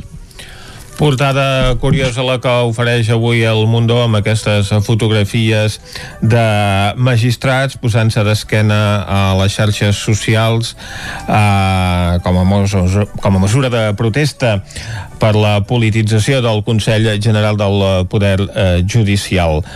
En aquest diari també hi veiem un dels titulars, el del Tribunal Constitucional, que nega la desproporció en la pena per sedició als presos del procés, mentre que els diaris catalans, el Punt Avui i l'Ara, el que destaquen precisament a les seves portades és que dos magistrats d'aquest tribunal veuen desproporcionada aquesta sentència del procés. Tampoc es posen d'acord els diaris a l'hora de valorar la situació de crispació que s'està vivint arran de les eleccions a la Comunitat de Madrid. El eh, Mundo doncs, atribueix aquest estat de crispació als socialistes, a una maniobra electoral dels socialistes, mentre que el país doncs, eh, determina que eh, aquesta crispació és l'element central de la campanya i que doncs, aquestes amenaces i atacs a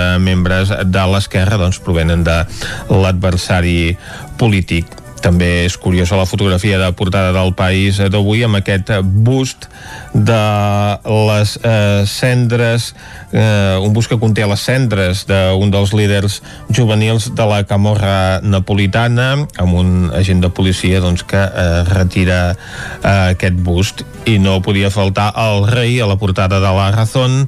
En la visita al Consell d'Estat apareix Felip VI en Maria Teresa Fernández de la Vega eh, en aquesta visita que va realitzar ahir mentre que el periòdico doncs, ja parla d'una Barcelona de 5,1 milions d'habitants amb una vista de la ciutat. No sabem si és que Barcelona com en el seu dia doncs, va engolir Sarrià eh, va engolir Gràcia i les viles doncs, que l'envoltaven si ara també té intenció d'arribar doncs, no sé, fins a Mollet, Sabadell i Terrassa ja ho veurem.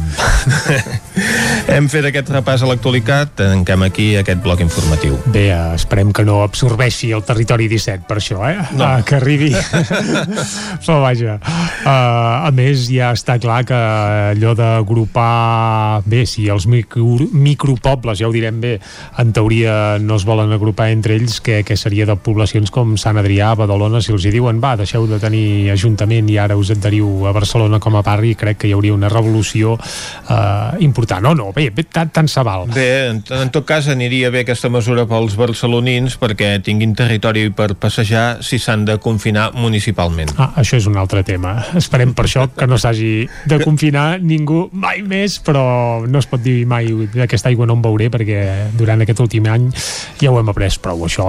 Però per alegrar-nos tots plegats i deixar de pensar en Covid, el que podem fer és posar-hi música, com fem sempre aquí a Territori 17, i avui estrenarem uh, una versió que ha fet el músic taradellenc Dami Álvarez. El Dami és fill d'Oge Álvarez, aquell mític guitarrista dels Parking, un grup de rock català que va fer certa fortuna al segle passat, i el seu fill ja fa temps que han pres una carrera en solitari, això sí, amb la banda del seu pare. És ben curiós veure un segal de 20 anys doncs, acompanyat de- d'una banda on la mitjana d'edat deu rondar la cinquantena llarga, però bé, eh, és curiós. I el Dami es dedica bàsicament a fer dues coses. Una, peces pròpies, temes propis, i l'altra, versions.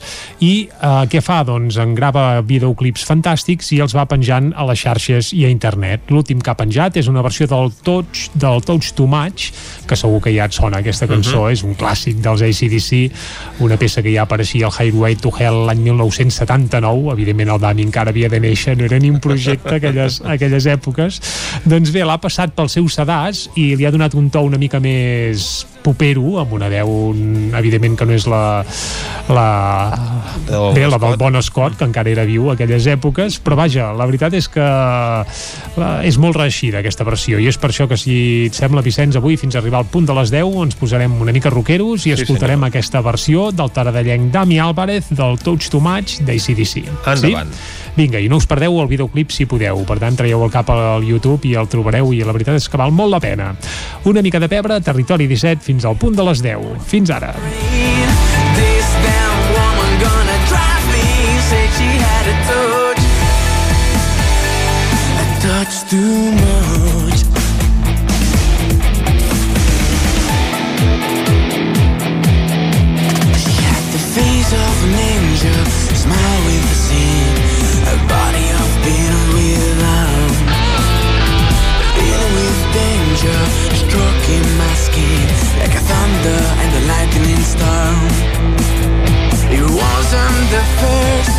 wasn't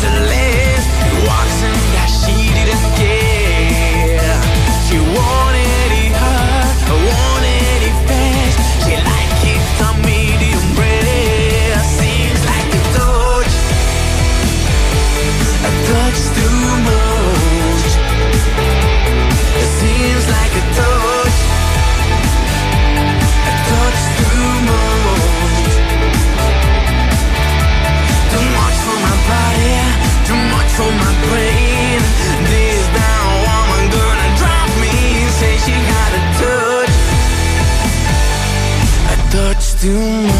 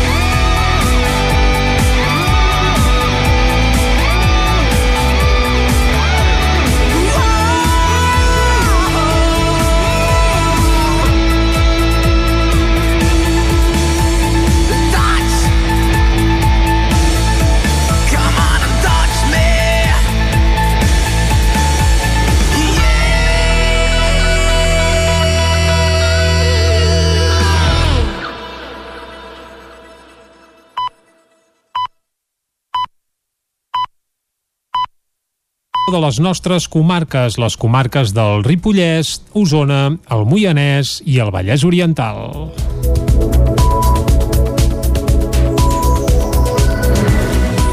Al darrere dels robatoris que hi ha hagut últimament a Manlleu hi ha un únic grup de 5 o 6 persones.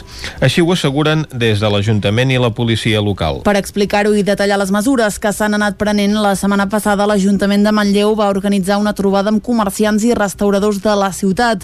L'alcalde Àlex Garridó va parlar de la impotència que se sent des de l'Ajuntament i el poc suport de la justícia, ja que se'ls arresta i l'endemà tornen a ser al carrer.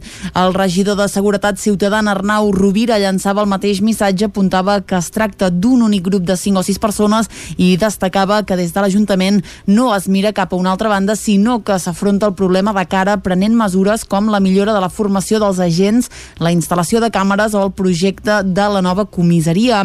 A la reunió també hi van participar el regidor de promoció econòmica, el cap i el sergent de la policia local de Manlleu i el sotscap dels Mossos d'Esquadra a Osona, que van explicar algunes de les actuacions que s'estan duent a terme. Els comerciants i veïns i veïnes que van assistir a la trobada per la seva banda es van queixar de la poca presència de policia, de l'estat de deixadesa d'alguns punts conflictius de Manlleu o de la impotència davant la impunitat amb què actuen aquests lladres. Els primers pressupostos participatius a Sant Joan de les Abadeses tindran 11 propostes per escollir en la votació final. Isaac Muntades, des de la veu de Sant Joan.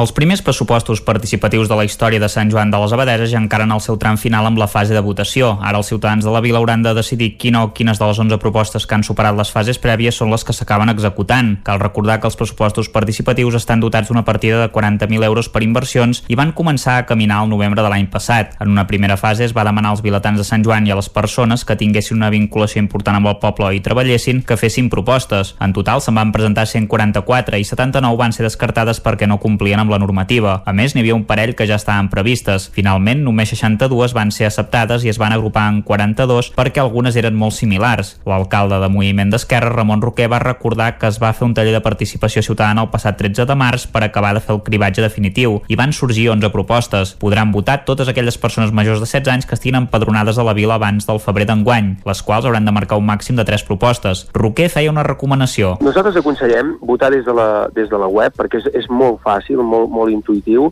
Tens una, un desplegable en què pots veure totes les inversions, una mica el pressupost de cada una d'elles i per tant simplement seleccionar les que vols i, i ja està. També donem l'opció i de fet hem, hem passat un petit tríptic a totes les cases perquè aquelles persones doncs, que vulguin votar doncs, en paper doncs, puguin portar aquest, aquest paper, aquest tríptic aquí a l'Ajuntament o al Palau de l'Abadia o al Palmàs i dar aquest, aquest tríptic a, a les urnes que hem habilitat per recollir aquest vot. Sí que si algú vota per internet i després vota per paper, prevaldrà el vot per internet, perquè de fet només es pot votar una, una vegada. El període de votació està obert des del 28 d'abril fins al 19 de maig. Les propostes que han arribat a la final consisteixen en la renovació dels serveis del pavelló municipal. Tres propostes que demanaven la supressió de barreres arquitectòniques al passeig de la Plana, a la carretera de Ripoll, al Pla del Roser i el recorregut de la plaça Major fins al consultori local, millores a la llar d'infants al Molí Petit, la construcció d'espais de xupluc als patis de primària i secundària de l'Institut Escola Mestre Andreu, millores a l'edifici de primària, la pavimentació de la pista de primària, la millora de la seguretat al parc infantil de la plaça Badesa Emma i l'Abadia i la millora de la palanca de la Batllia. La companyia Solar Profit de Llinars del Vallès, especialitzada en la instal·lació de plaques solars fotovoltaiques, avança amb l'objectiu de doblar la facturació aquest 2021. David Auladell, de Ràdio Televisió, Cardedeu. En un exercici de 2020 marcat per la pandèmia, la companyia de Llinars va aconseguir créixer un 28% fins a arribar a una facturació de 18,3 milions d'euros i aquest any espera encara empènyer el negoci per arribar a 40 milions d'euros, segons ha avançat el director executiu Roger Fernández. En aquest creixement tindrà un paper rellevant l'ampliació de la cobertura territorial. Actualment l'empresa té, a més de la seu de Llinars, oficines pròpies a Illes Balears, Madrid, el País Valencià i el País Basc. Properament aquesta xarxa s'ampliarà amb noves delegacions a Andalusia, Múrcia i Galícia. L'obertura de delegacions és una de les estratègies per reforçar el lideratge com a empresa d'autoconsum més gran de l'Estat. El creixement de l'activitat comportarà també un increment d'un 40% de la plantilla, en la línia del que ja s'ha anat produint en exercicis precedents. L'empresa remarca que l'autoconsum, al mateix temps que genera estalvi a les famílies i ajuda al medi ambient, és la forma de generació d'energia que crea més ocupació amb feina estable i qualificada. Solar Profit acumula instal·lacions per a particulars i també per a empreses com és el cas de Lidl, Novartis, Audens Food, Nissan, Almirall o Postres Reina. El recorregut de l'energia solar fotovoltaica es va poder mantenir l'any passat en plena crisi sanitària, un creixement que mostra l'auge de l'energia solar fotovoltaica pels seus avantatges mediambientals i l'important estalvi energètic que comporta.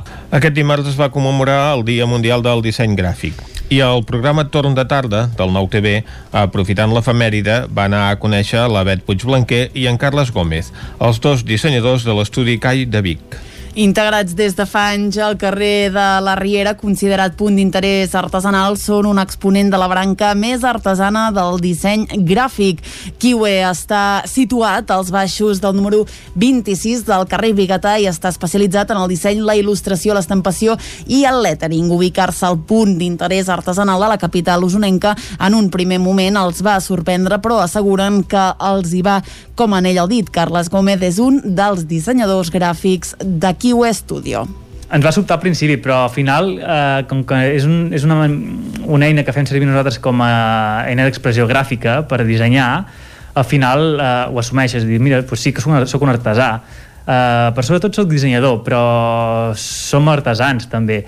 Uh, i, i jo crec que també s'ha perdut una mica, però els artesans no deixen de ser dissenyadors en general. Uh, ara mateix uh, sí que hi ha molts estudis de disseny en el qual el dissenyador només dissenya i l'artesà és el que plasma el que ha dissenyat una persona però antigament el mateix eh, artesà era el propi dissenyador. Reconeixen que renunciar en gran part a les tècniques digitals els suposa un volum de feina important, però també tenen clar que el resultat compensa. Bet Puigblanquer és eh, dissenyadora gràfica a Kiwi Studio. A l'hora de tocar el material, a l'hora de, de que t'intervingui la teva mà, doncs fa que sigui un resultat molt més fresc. I petits errors que hi pugui haver, doncs que et juguin a favor i poder aconseguir un resultat molt més potent. A Kiwi Studio hi treballen amb un, amb un llenguatge visual molt clar i pensat per pensant que cada encàrrec és únic, un projecte jove que aposta per les tècniques de sempre. La capital usonenca es prepara per recuperar de cara al 8 de maig la mostra d'entitats i músiques de Vic.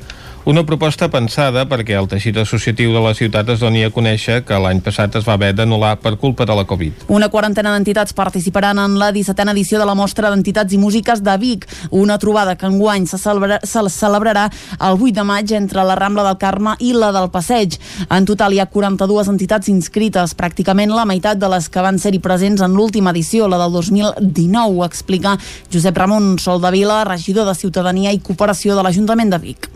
És veritat que aquest any la participació de les entitats és bastant menor que, la, la, que els altres anys. Eh, això és degut essencialment al tema de la pandèmia. Eh, hi ha moltes entitats que estan, que estan patint, hi ha entitats que, que fa més d'un any que, que no es troben les seves juntes ni els seus, ni els seus associats eh, per, per problemes amb, amb, en, entre, entre el seu personal i, i, i la pandèmia que no, que no, no ajuda gens. No? La mostra comptarà amb entitats veteranes com el Casal Claret o l'associació Rosa Dilme Ruanda. Sentim per aquest ordre a Laura Verdaguer del Casal Claret i a Maria Soto de l'associació Rosa Dilme Ruanda. Estem molt contents que aquest any es pugui reprendre i com deia també és perquè pensem que és una molt bona oportunitat per conèixer altres entitats i a la vegada amb les entitats que ja coneixem no? és, és un dia com molt bonic de, de compartir. I per nosaltres la mostra d'entitats és una bona oportunitat de donar a conèixer aquestes, eh, aquests projectes, també donar suport no, a les altres entitats que, i conèixer les altres entitats de la ciutat de Vic. També hi haurà qui aquest any s'estrenarà, és el cas de la Federació de Senegalesos d'Osona, Xerif Balden és membre. La idea es para poder juntar todas las asociaciones, formar una federación para que podamos ah, organizarnos entre nosotros y a enseñar a nuestros hijos nuestra cultura y nuestra religión y dónde venimos.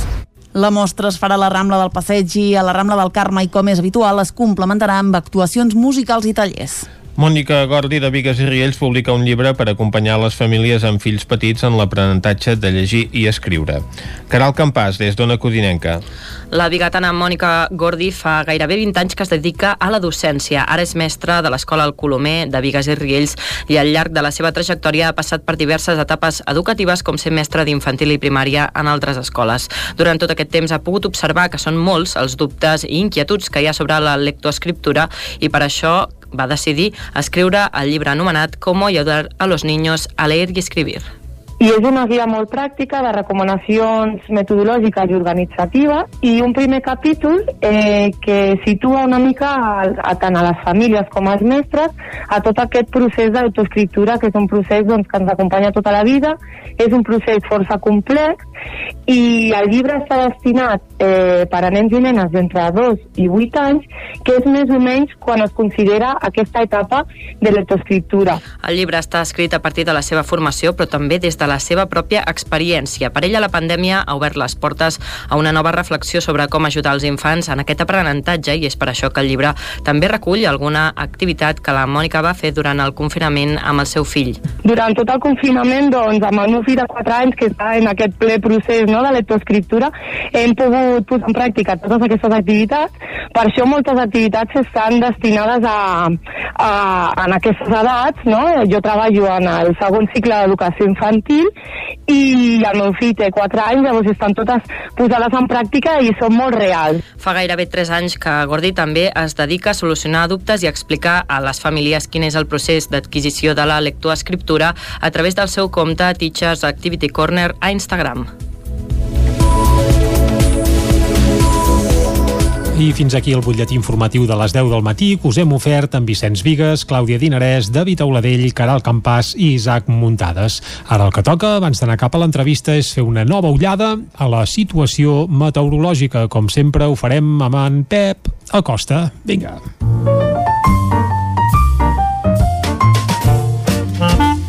Casa Terradellos us ofereix el temps. Doncs ara mateix hi ha alguna ullada de sol, almenys al Malic de la Plana de Vic, segur que algun altre racó del territori 17 també, però em sembla que el dia d'avui ens ha dit en Pep Acosta abans que també es presenta Mogodot i que segurament serà passat per aigua. Pep, molt bon dia de nou. Hola, molt bon dia. Molt bon dia, molt Avui bon dia. serà un dia també molt inestable. Sí. mhm. Molt semblant al d'ahir. És que tenim aquesta pertorbació que està bastant estancada entre el centre i, i l'est de la península ibèrica, eh, perquè tinguem una idea, està entre, entre Madrid i València, eh? va voltant per allà aquesta pertorbació i de moment no, no vol passar, eh? està estancada, Mm, fins dissabte no es mourà segurament, serà el dia que ens passarà per sobre i el dia que més pluja hi haurà. Però bueno, ojo que els mapes poden ballar encara molt. El que tenim els mapes bastant segurs és que avui ha fet menys fred aquesta nit, uh, les temperatures són ara bastant suaus, només glaça a molt alta muntanya i la majoria de les temperatures ja estan entre els 8, 10, 11 graus. No ha fet gaire fred aquesta nit. Està tapat, hi ha molts núvols, però pot ser que hagin clarianes. Aquest matí pot ser que tinguem bastantes clarianes, pot fer una mica de sol, uh, però bueno, eh, serà un... no ens enganyem que no serà un sol d'aquells uh, molt importants, perquè de cara a migdia, primers de la tarda, ja començaran a créixer les nuvolades, i jo crec que cap a les dues, tres, mm, ja podem tenir les primeres tempestes i les primeres precipitacions. Igual que ahir, igual que ahir, mm. preferentment a la meitat nord de les nostres comarques. Uh, Ripollès i nord d'Osona. Mm, Es poden acumular Uh, com ahir, jo crec que entre 10 i 20 litres en moltes zones. Déu-n'hi-do. Uh, bona notícia, eh? Aniran sumant litres Sí, sí, fan falta. en fan aquestes falta. poblacions i en aquestes muntanyes i boscos. És bo, és bo que plogui. Mm -hmm. El peritoral, més difícil que plogui i amb menys quantitat. Entre 0 i 5 litres, la majoria de les pluges. Mm -hmm. Poca cosa. Les temperatures màximes, una mica més altes que les d'ahir, la majoria entre els 15 i els 20 graus. Uh, no farà tant de fred perquè hi haurà menys hores que estarà tapat Mm -hmm. i a més eh, el vent de sud farà que la temperatura pugi, pugi una mica vents de sud molt febles eh, poc destacables Moltes gràcies i molt bon dia. Va, Adéu. Pep, uh, moltes gràcies a tu i ens quedem amb això, eh, que el dia serà mogudot, tot i que hi hagi alguna ullada de sol, no ens en refiem, i el paraigües als dits, Vicenç, suposo que ja el tens, eh? El Home, paraigües a només punt. faltaria. Igual que ahir, que el vam haver de De menester, sí, eh? és ben cert, ben cert. I per cert, eh, fem una mica de repàs a les precipitacions. En Pep ens Mhm. ha fet alguna punt a primera hora del matí, però on és que va ploure més? Doncs on més ha plogut a les últimes hores és a Sant Boi de Lluçanès amb 34 litres, Mhm. pràcticament eh, tots avui, a prop al Pens 30 litres. Si ens desplacem ja cap al nord del Ripollès, a Núria, entre ahir i avui, 29 litres i mig, a Sant Pau de Segúries 26 i mig, a Caralps 25, a Ull de Ter 23 i mig, a Ull de Ter i a Núria són els únics punts on avui ha glaçat, per tant hi ha una enfarinadeta. Per tant, amb neu, no Ah, només amb aigua. No eh? només amb aigua, sinó que també amb neu. A Molló i a Vidrà, entre ahir i avui han caigut 22 litres, 20 a Santa Maria de Besora, 19 a Montesquiu, 18 a Planoles, 17 a Sant Quirze de Besora, i el punt on ahir més va ploure, fora de la part eh, doncs, eh, més elevada del Ripollès, va ser el cim del Puigagordi, 7 litres que van caure ahir. Mhm. Déu-n'hi-do, que bé que va aquesta pluja, eh? I perquè tant. portàvem uns dies de força sequera i molt benvinguda a aquesta pluja i sembla que encara n'hi haurà més. Doncs això esperem, no? No s'ha acabat. En Pep ja ens ha dit que fins dissabte segur que passarem uh, això, que estarem remulladets. Molt bé, fet aquest apunt meteorològic, ara fem res, un petit parèntesi i de seguida anem cap a l'entrevista. Casa Tarradellas us ha ofert aquest espai. Territori 17. Envia'ns les teves notes de veu per WhatsApp al 646 079 023. 646 079 023. WhatsApp Territori 17.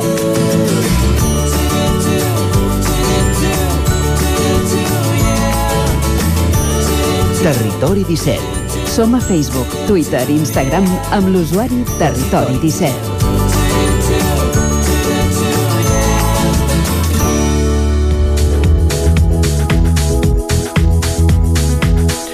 Enguany, tot i que estem immersos en un 2021 pandèmic, també vivim un any d'efemèrides destacades. És el cas de la mort d'Enric Miralles i Moya, un arquitecte català destacat que va morir als 45 anys a causa d'un càncer a Sant Feliu de Codines. I anem eh, cap allà, a una codinenca, i tenim la Caral Campàs. Bon dia, Caral. Bon dia, Vicenç. Doncs sí, fa 21 anys que vam perdre la figura d'aquest magistral creador i per això divers, diverses institucions com la Generalitat i la Fundació Enric Miralles, entre d'altres, han programat doncs, diverses exposicions i cicles de conferències per homenatjar l'arquitecte, qui va passar, com bé deies, els seus dos últims anys de vida a Sant Feliu de Codines i va morir l'any 2000. I precisament per parlar d'aquesta figura, d'aquest arquitecte i pel seu pas per Sant Feliu de Codines tenim al telèfon a Josep Cassart, escriptor i historiador d'aquí a Sant Feliu. Bon dia, Josep. Hola, bon dia. Pels que ens estiguin escoltant i no el coneixen, eh, qui era Enric Miralles? Doncs mira, eh, Enric Miralles i Moya va néixer a, a Barcelona el 1955. Eh, va estudiar arquitectura a l'Escola Tècnica Superior d'Arquitectura de la Universitat Politècnica de Catalunya i també va estudiar a la Universitat de Colúmbia Nova York. I eh, tot i el seu breu període de creació artística, perquè va morir als 45 anys, va deixar una petja inesborrable en l'arquitectura dels nostres dies. Es pot afirmar rotundament que la seva obra és internacionalment reconeguda pels experts. Aquest era Enric Miralles, a grans trets. Eh? Mm -hmm. Estem parlant d'un arquitecte contemporani que tenia molta sensibilitat per l'entorn i la relació dels edificis en el seu context i significat. Podem dir que, que concebia l'arquitectura més enllà de la seva funció? Sí, sí, sí. Evidentment, Miralles destacava per la seva extrema sensibilitat per l'entorn i, per tant, concebia el concepte arquitectònic més enllà de la funció. Eh? Una mostra, uh -huh. Pràcticament als seus inicis, és el cementiri d'Igualada, que signa juntament amb la Carme Pinós, eh, arquitecta també, i la seva primera esposa. Eh, això, la, el cementiri d'Igualada és una necròpolis on ells volien i aconsegueixen que l'espai que el formava pertanyés més al cel que no a la terra. Llavors, eh, no diguem ja quan també amb, amb Benedetta eh, Tagliablu, la, la seva segona esposa, creen el Parlament d'Escòcia. Llavors, allà l'artista fa prevaldre les formes adequant-les a aquell territori. eh, dotant el recinte d'elements que, que creen una tensió visual i segons l'angle de la llum i a les diferents hores del dia canvien absolutament. És una preciositat al, al, al Parlament d'Escòcia. Així és que ell creava paisatges arquitectònics, ni més ni menys. Uh -huh. eh, llavors podem dir que va plantejar una nova mirada a, a l'ofici d'arquitecte. Sí, sí, sí, eh, una nova mirada i, i cal situar-lo al nivell dels arquitectes internacionals, sens dubte. Ar- Arquitectes internacionals, atenció, d'alçada, eh? Està a l'alçada de l'anglès Norman Foster, està a l'alçada de la iraquiana eh, Sahara Hadid o, o del canadenc Fran Owen, per no parlar també del navarrès Rafael Moneo. Eh? Vol, vull dir que eh, Miralles es dedica a això, o sigui, li encarreguen la construcció de parcs públics, de biblioteques, de museus d'art, de pavellons esportius, d'escoles, auditoris, esglésies, centres de meditació, arreu del món. Eh? O sigui, planteja una nova mirada, efectivament. La, la seva obra va ser prolífica, tot i morir eh, tan jove, com eh, tu deies, doncs, arreu del món, però també podem trobar obres d'Enric Miralles al Vallès Oriental i a Osona. Sí, sí. Aquí al, al Vallès Oriental, eh, Miralles fa, per exemple, les cobertes de la plaça Major de Parets del Vallès. Uh -huh. Eh, també fa a Mollet, a Mollet del Vallès, el Parc Públic, la Ludoteca i després el Parc de Colors, que és una preciositat veure'l de nit, eh? a Mollet, això. Uh -huh. A Osona, el Centre Social d'Hostalets de Balanyà i també la Casa de la Vila i el Centre Cívic. Aquestes són les obres que jo bueno, que tinc, detectades que fa, Mhm. doncs, diguem-ne, per les nostres comarques. Uh -huh. I també la remodelació va fer d'uns habitatges a la colònia Vilaseca, També, precisament. també. Mira, veus, això m'ho descuidava, és veritat, és veritat, sí, sí. Però, vaja, Els dos sobretot... últims... Mm. Digue- No, no, no. Digues, digues. Dic que, sobretot, Miralles eh, exposa... Eh, a la primera època, diguem-ne, treballa per aquí. És posteriorment que, que surt a l'estranger i llavors allà és, és on, on ho sublima tot. El- Els dos últims anys de la seva vida els va passar, com dèiem, a Sant Feliu de Codines i, de fet, es va instal·lar a la Casa Coderc. Uh, quina va ser la relació de l'artista amb la vila? Bueno, primer de tot, no es va instal·lar a la casa Coderco, o sigui, ell s'instal·la a, a la casa Paricio, que és una casa que havia fet l'arquitecte Coderc, vale? eh, bé, llavors, eh, la relació amb la vila és escassa, francament, perquè eh, ell no es, no es movia gaire de casa i si, i si es movia de casa era per viatjar per motius professionals i després també de salut, no? Llavors, eh, cal tenir en compte també que Miralles ocupava una càtedra a la Universitat de Harvard, als Estats Units, vull dir, per tant, estava constantment viatjant i la relació amb el poble, repeteixo, era escassa, pràcticament nula. Uh -huh. Sant Feliu és un poble doncs, que ha tingut relació també amb destacats arquitectes perquè va ser població escollida per passar-hi una temporada doncs, per Antoni Gaudí el 1902 i més endavant, com ara comentàvem, doncs, Josep Antoni Coderc. Sí, sí, i encara també eh, eh, Isidre Puigboada, un altre gran arquitecte que va ser el continuador de les obres de la Sagrada Família. Uh -huh. Sí, sí. La, don Mhm. La dona d'Enric Miralles, eh, que també la citaves eh, anteriorment, que també era una molt destacada arquitecta, va també estar amb ella aquí a Sant Feliu. Ha mantingut relació amb la vila després de la seva mort? Mira, eh, hem de ser clars, la, la seva esposa, degut que Miralles va morir a, a la casa de Sant Feliu, és clar, ella no en guarda un bon record, diguem-ne. Mm. Al contrari, per tant, després de la, de la mort de Miralles, ella no hi ha tornat més. És, és així de clar. Eh? Uh -huh. Perquè estan a, a Sant Feliu, quines obres va concebre Enric Miralles? En aquell moment estava a- al seu punt més culminant de la seva eh, creativitat. Eh, era l'època també que es va fer aquest Parc dels Colors de Mollet que hem estat eh, parlant i que va ser la primera obra que es va inaugurar després de la seva mort. Sí.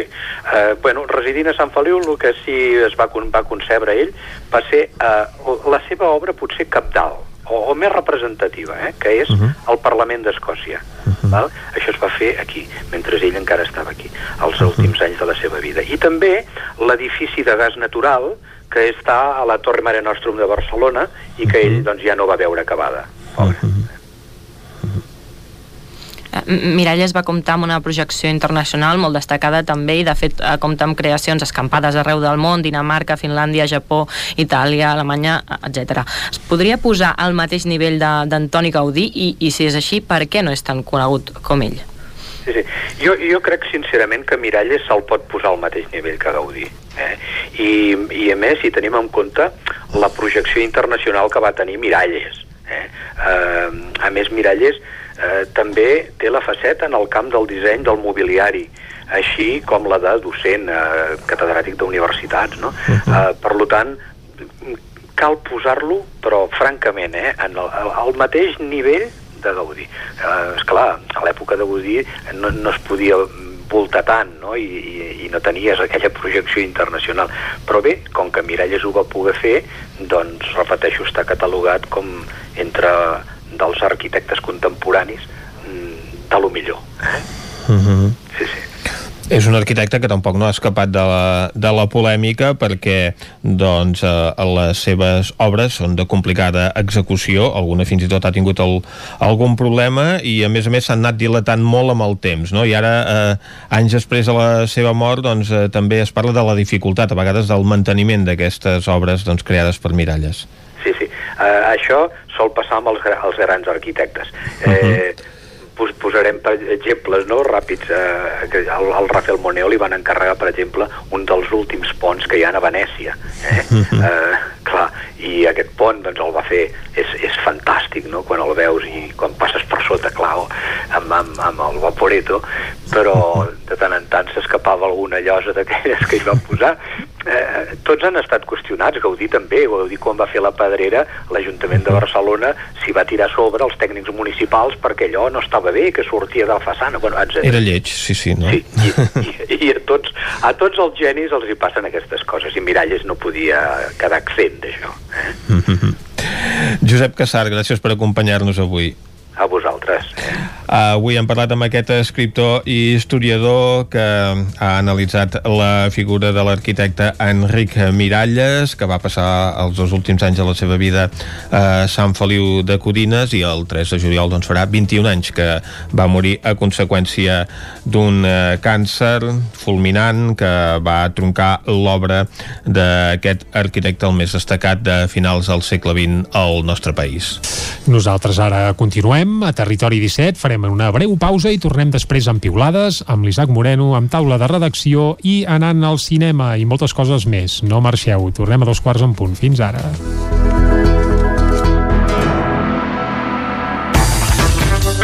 El nou FM. La ràdio de casa al 92.8. A Aquari Jordi hi trobaràs periquitos, canaris i tot tipus d'ocells, conills, hàmsters, ratolins, rates índies, peixos tropicals i molt més. Aquaris, tortugues, joguines i tots els complements i menjars per tot tipus d'animals. Vine a informar-te de totes les nostres ofertes. Aquari Jordi som al carrer Nou número 34 de Vic i també a Instagram. Pintures Xevi Soler. Tot en pintures. Façanes, obra nova, rehabilitacions interiors de vivenda, estucs, microciments, pintura industrial, motllures, terres vinílics... Pintures Xevi Soler. Ens agrada assessorar-vos i fer de casa vostra el millor lloc del món. Ens trobareu a Manlleu, al carrer Sogorb 113, telèfon 616 15 87 33 o 93 851 3504. Per al Dia de la Mare, vine a la Cakery a buscar un dolç ram. Galetes decorades i cupcakes especials. Pastissos personalitzats, galetes, cookies, brownies i molt més. Ens trobaràs a Vic, al carrer de Gurb 34 Baixos, al telèfon 93 886 70 51 i també a Instagram i Facebook. Rètols 2A. Experts en comunicació visual. Rètols, banderoles, vinils, impressió, plaques gravades, senyalització, display... Rètols Dos Art. Ja són 25 anys al vostre servei. Ens trobareu a la carretera de Vic a Olot número 7, al polígon Malloles de Vic. dosartvic.com Telèfon 93 889 2588. A Corretja tenim tot el que necessites per la teva llar. Tot tipus de paviments i revestiments, sistemes d'aïllament, cobertes, parquets, aixetes, ferreteria, pintures, fixació i cargoleria, vestuari i material de seguretat. Disposem de més de 3.500 metres quadrats d'exposició amb una nova zona exterior d'aïllaments. A Corretja som especialistes en cuines i banys. Us assessorem, dissenyem i realitzem el projecte des de l'inici fins a la fi del muntatge. 100% cuines, 100% banys. Al carrer Mas Vigues 8 de Vic, a corretja-sl.com o a Instagram. 100% materials per la construcció i la decoració. 100% corretja. Hi ha sensacions que són úniques. Aquell bany relaxant, mirar per la finestra quan plou i com les calderes Bailand, que li ofereixen fins a 15 anys de cobertura total amb el servei tècnic oficial Bailand. Informis a Oficiat Nord trucant al 93 886 0040. Amb el servei tècnic oficial de Bailand, la seva caldera estarà en les millors mans. La ràdio de casa al 92.8. El 9 FM.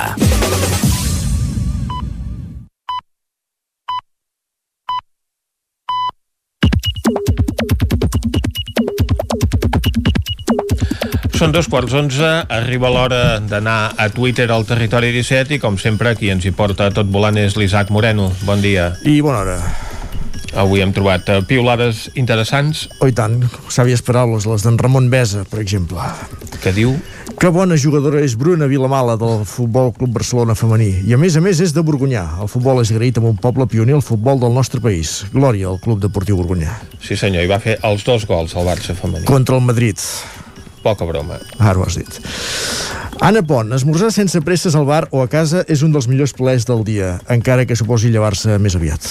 Doncs mira, cert. Ramon Espadaler, una mica més a prop de l'enyorada normalitat. Avui celebrem el primer ple del Parlament dins l'hemicicle, cosa que no podíem fer des del març de 2020. Ho fem amb un record especial per a les 21.824 víctimes mortals de la pandèmia. Doncs celebrem que el Parlament recuperi la normalitat. Teresa Rossell, això de la Fiscalia de recórrer les sentències absolutòries relacionades amb el procés no té nom. Bé, sí, la Fiscalia recorre, i el titular és del 324, la Fiscalia recorre l'absolució dels cinc membres de la sindicatura electoral de l'1 d'octubre. Un altre que es fixa en titulars d'altres mitjans, eh, Isma Dot, des de Manlleu, Europa Press titula La sinistralidad laboral causó dos, en 2020 más muertes que el COVID, con 2,7 millones de fallecidos en el mundo. I en Dot, que diu, exigim mesures contra aquesta altra pandèmia, de la qual no se'n parla ni se'n vol parlar. Capitalisme és barbària. La bona nova del dia. Nyandú. Hola, ens hem retrobat a l'estudi i tenim una cançó nova. No tenim cap gira ni cap disc en ment, simplement ganes de fer cançons i anar-les publicant quan ens vingui de gust. Aviat podreu escoltar-la i veure en el videoclip. La publicarà Grid Canyon. Us estimem. Estem parlant de la productora, la discogràfica de la Joana Serrat. No? La mateixa. Doncs estarem amatents. En entenem que s'han desfet de Miqui Puig i han fitxat per la Joana Serrat. Adiós. Jordi ho repiula i comenta Mira, amb això m'acaba d'alegrar el dia, si més no, musicalment. Doncs bé, ja estem al corrent de que Nyandú es prepara pel seu retorn. Peptines, vaig tard, ho sé, però hòstia, quina pel·liculassa, Lucky. Història, ritme, imatge, ambientació i la interpretació de Harry Dean Stanton, extraordinari i grandiós, que 33 anys després ja no busca l'Anassat Kinski, però és com si ell hagués quedat suspès en el temps. Una pel·lícula del 2017 la veure ahir, veus? Ves per on. Montse Iats diu Anton Granero ha fet anys i n'ha fet uns quants i es jubila de tota una vida dedicada a l'UBIC i ho, hem de, i ho hem celebrat una mica. Gràcies per la feina i a disfrutar, Ton. I té felicitacions diverses, com per exemple d'en Xavier Ferrés o d'en Xavier Tornafoc que diu la vella guàrdia, molta sort, Ton, en aquesta nova etapa i nosaltres que ens hi sumem que en aquesta nova etapa també pugui gaudir de la vida com ho ha pogut fer fins ara amb les seves creacions. I Iñaki Escudero, segons els raonaments del govern, els Mossos, bombers i docents li han robat les vacunes als pobres avis. Ves, podríem buscar la, la, la, la definició tergiversar i potser s'hi costaria una mica. Segurament. Roger Comeres, aquest dissabte tornem a pedalar pels carrers de Vic per demanar una ciutat sostenible, sense contaminació, on es potenciï l'anar a peu, la bici, el patinet i el bus urbà davant del cotxe. I comparteix un cartell que fa una convocatòria dissabte a les 12 a la plaça de la Noguera. Doncs dit queda. queda exacte. El tuit falca del matí. Repassem portada, si et sembla. Doncs som-hi. A Va, veure què comencem. diu el 99.cat. Osona i el Ripollès, l'accés amb cotxe a Fontalba i a les Gorgues del Freser serà de pagament a partir de Sant Joan, no de Sant Joan de les Abadesses, eh? del 24 de juny, vull dir. Sí, perquè si no, l'Isaac Muntades potser s'enfadaria. Sí, perquè anar de Fontalba des de Sant Joan ho veig... Bueno, Complicat, sí. Difícil. Home, ell que és ciclista seria capaç eh, de fer-ho, uh, segur, segur. Uh, també torna la mostra, la mostra d'entitats i músiques de Vic, transformació industrial al sector del Puigvell a Roda de Ter i una furgoneta volcada al CD7 a Balanyà. Uh, carreguem ràpidament la portada verda, la del Vallès Oriental, una per a farmàcia ocuparà el local de l'antic Viana al centre de Granollers. Mollet celebra el Dia de la Dansa amb dos espectacles i actuacions en línia. Estabilitat en les xifres de pacients ingressats per la Covid-19 als hospitals ballesans i la Fiscalia recorre l'absolució de Pagès i la resta de membres de la sindicatura electoral de l'1 d'octubre. Com comentàvem ara mateix amb els tuits. Moltes gràcies, Isaac. No hi ha de què, bon dia. Territori 17.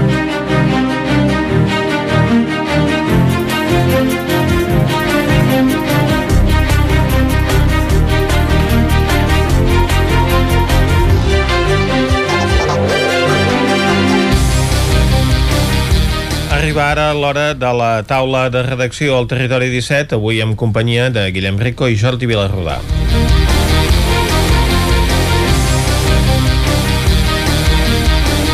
Comencem, Guillem, parlant del ple de dilluns a Torelló. Com va anar? Bon dia. Uh, és el ple més curt de la història, de, o sigui, dius, no del mandat, eh? Del mandat. Parlem Així van poder complir amb el confinament eh, Sí, a cop els les havia 10 de la nit, just. alguna hora han, anat, han hagut de córrer. Algun, just, algun cop els havia vingut just, però aquest cop, un, uh, o sigui, el ple va començar a les 7, en, en menys d'un quart d'hora ja s'havien polit l'ordre del dia, sí que es van estar una hora amb els i preguntes i informacions, Uh -huh. i en, va ser en l'apartat aquest on hi va haver algun tema interessant, que va ser uh, una polèmica que hi ha al voltant de l'església de la Coromina, de la colònia de la Coromina, una església de l'arquitecte Periques que va construir l'any 1905, mm, i que fa dos anys explicàvem que una empresa l'havia comprat per fer-hi mm, un lloc per, fer- per esdeveniments, casaments, per, per activitats d'aquest tipus.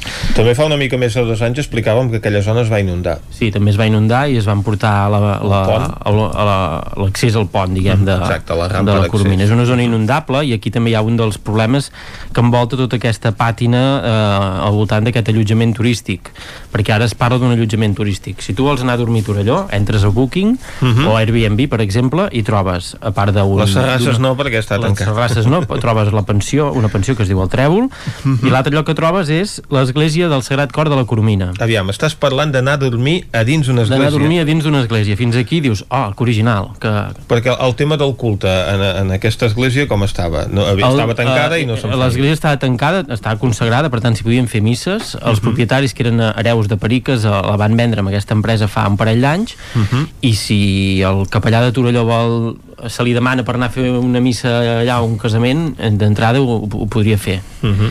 El que passa que es veu, depèn del capellà de Torelló si vol anar-hi o no vol anar-hi, si li demanen, en tot cas. Um, què passa? Que des de fa un parell d'anys s'hi estan fent obres, uh, algun, això ha provocat queixes per part d'alguns veïns que viuen allà, perquè aquesta empresa va comprar l'església i també dues plantes de la rectoria, però en una de les plantes de la rectoria hi ha un, uh, gent que hi tenen una mena de segona residència. Mhm. Llavors això els hi provoca que els hi entrin ai, um, aigua, tot, tot un sèrie de, una sèrie de molèsties Mhm. que els hi causa. Però què passa? Uh, també diuen que, que ja hi va gent, etc etc. Uh, L'Ajuntament han rebut una petita... Això va sortir al ple, ho van demanar des de Junts per Catalunya, uh Mhm. uh, i el regidor de, de Serveis Territorials, Adrià Jaumira, uh, van, va explicar doncs, això, no? que a ells els hi constava que des de principis d'any Mhm. hi havia una, una petició uh, per fer esdeveniments, una petició d'activitat, Mhm. que en cap moment se'ls havia demanat cap permís d'obres per res. Què passa? Que a més a més aquest edifici és bé cultural d'interès local, per tant, per fer alguna intervenció s'ha de demanar permís. A més a més, això que deies de la inundabilitat de la zona, Mhm. també el pla urbanístic d'aquell espai no està desenvolupat. Què passa? Que si es volen fer unes obres mm, ha de passar per urbanisme i a part no es poden fer segons quines obres i segons quines activitats perquè ha de ser una cosa que es pugui desmuntar ràpid en cas de que quan s'aprovi el, pa, el pla definitiu, uh Mhm. si no contempla aquest tipus d'activitats, que es pugui desmuntar. Mhm. I per tant, eh, això, s'han fet aquestes actuacions i amb els veïns els hi consta que ja hi ha anat gent a dormir. De fet, eh, a Airbnb hi ha un parell de comentaris que de gent que hi hauria anat ara a l'abril i al desembre a passar el Nadal que expliquen que tan bé, que tan original dormir en una església. Els propietaris què diuen? Que l'església no s'hi dorm, que ells lloguen que ells lloguen les, les habitacions eh, a la rectoria que comuniqui que deixen l'església com a espai, però hi ha imatges de, de llits en espais de l'església que es veu el, les, diguem, els arcs de, de la part de dalt de, del sostre apuntats. Uh, per tant uh, aquí hi ha una mica aquesta O sigui, hi ha gent que dorm dins de l'església. hi ha gent que dorm dins de l'església amb uns Ara, espais clar. que estan habilitats per dormir que per tant s'hi han fet aquestes actuacions. Els propietaris diuen que no, que l'església no s'hi dorm i que de fet encara no, l'activitat no s'ha iniciat i que han demanat els permisos, que ho tenen tot demanat i que ho han fet tot correctament i que ells esperen que a l'agost, eh, si tot va bé ja es pugui començar l'activitat allà. Però eh, ho hem comprovat, hem fet una reserva a través de Booking i ens deixa fer aquesta reserva per aquest cap de setmana per tant, per tant, aquest cap de setmana aniràs a dormir a l'església setmana de la Coromina. no perquè l'hem cancel·lat perquè va anar a dormir a, la- a la Coromina de dues persones una habitació doble Mhm. val a 249 euros si, si ho compres a través de Booking i a través d'Airbnb serien 300 Bé, si és a dins de l'església pot ser habitació doble, Vicenç, triple, jo, que si tu em dius falta. vés a fer un reportatge d'investigació a la Coromina aquest cap de setmana i em dones aquests 300 euros, jo te'l vaig a fer. Per tant, això, hi ha aquesta polèmica al voltant de tot plegat i, per tant, l'Ajuntament ha obert un expedient Mhm. eh, pel tema aquest urbanístic i estan investigant si realment l'activitat eh, d'oci eh, si està portant a terme o no.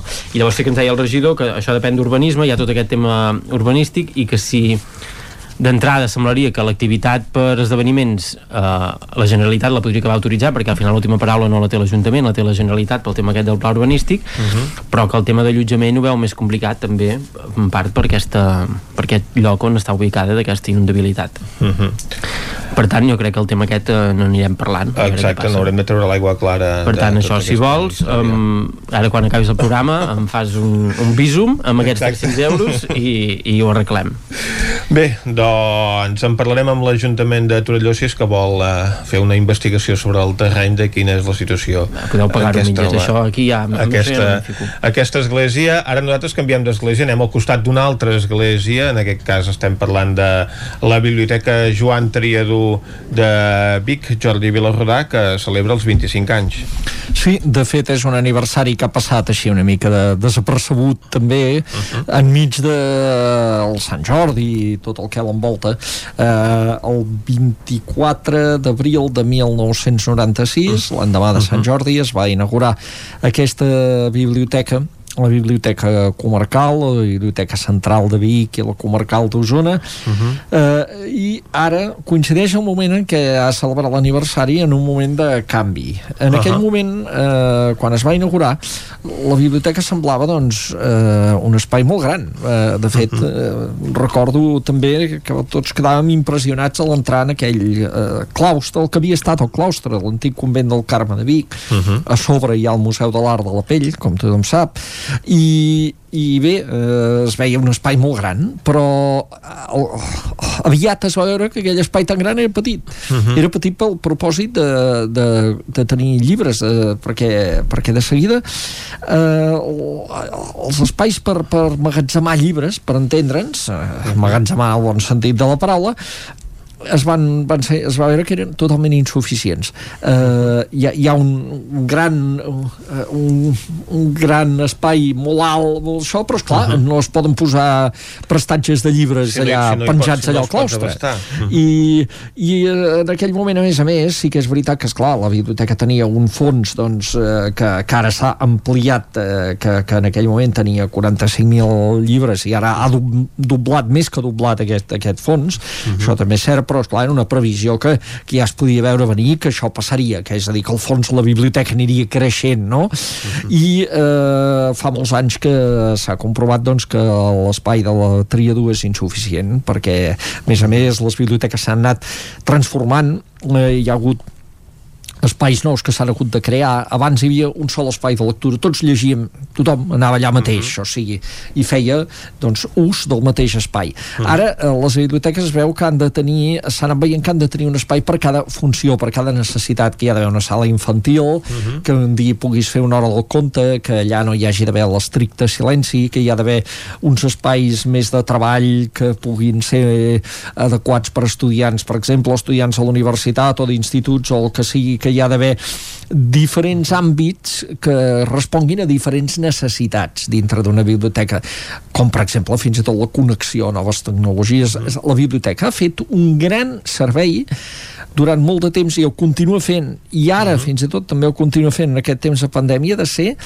el, el, el que salva la bretxa digital de persones que tenen pocs recursos i que tenen uh -huh. espais insuficients a casa que no tenen connexions amb prou velocitat etc etc, sobretot joves uh -huh. i que utilitzen la biblioteca com a punt de connexió uh -huh. uh, per tant, tot això mm, és el que el de, són els dèficits d'aquesta biblioteca Joan Triadú els que arriben aquests 25 anys com se sap eh, s'està fent la Biblioteca Nova de Vic o la Biblioteca Se li sortirà competència, en definitiva, a la Joan Triadú, sí, no? Mm, i més que això, hi ha una indefinició en aquest moment de què ha de ser aquest espai.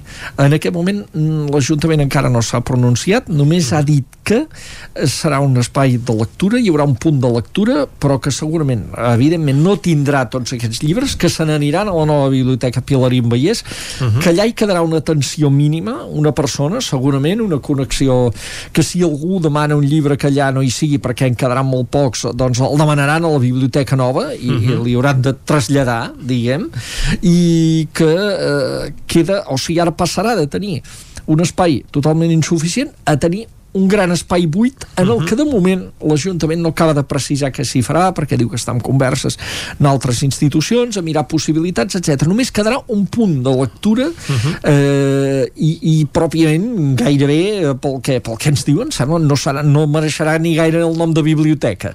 O sigui que al cap de 25 anys la Biblioteca Triadú, com de fet tot el Museu de l'Art del Pell eh, ja no és, no és ben bé està canviant d'usos i no és ben bé allò de, que era en el moment que, que es va inaugurar.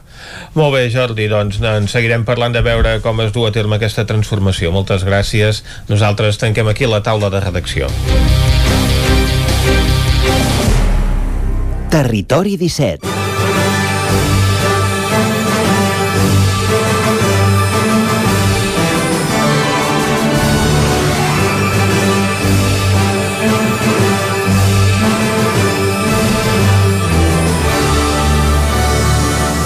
I quan passa un minutet de 3 quarts d'onze del matí, Vicenç, és el moment d'anar cap al cinema.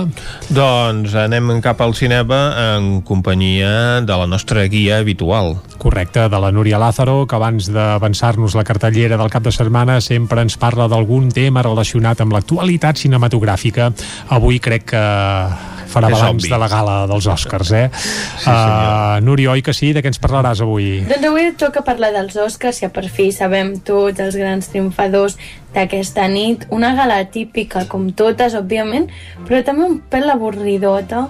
Um, no va acabar, jo crec, d'agradar el format que, que van escollir i a més va ser una mica rara per diversos motius que comentarem a continuació. Nomadland.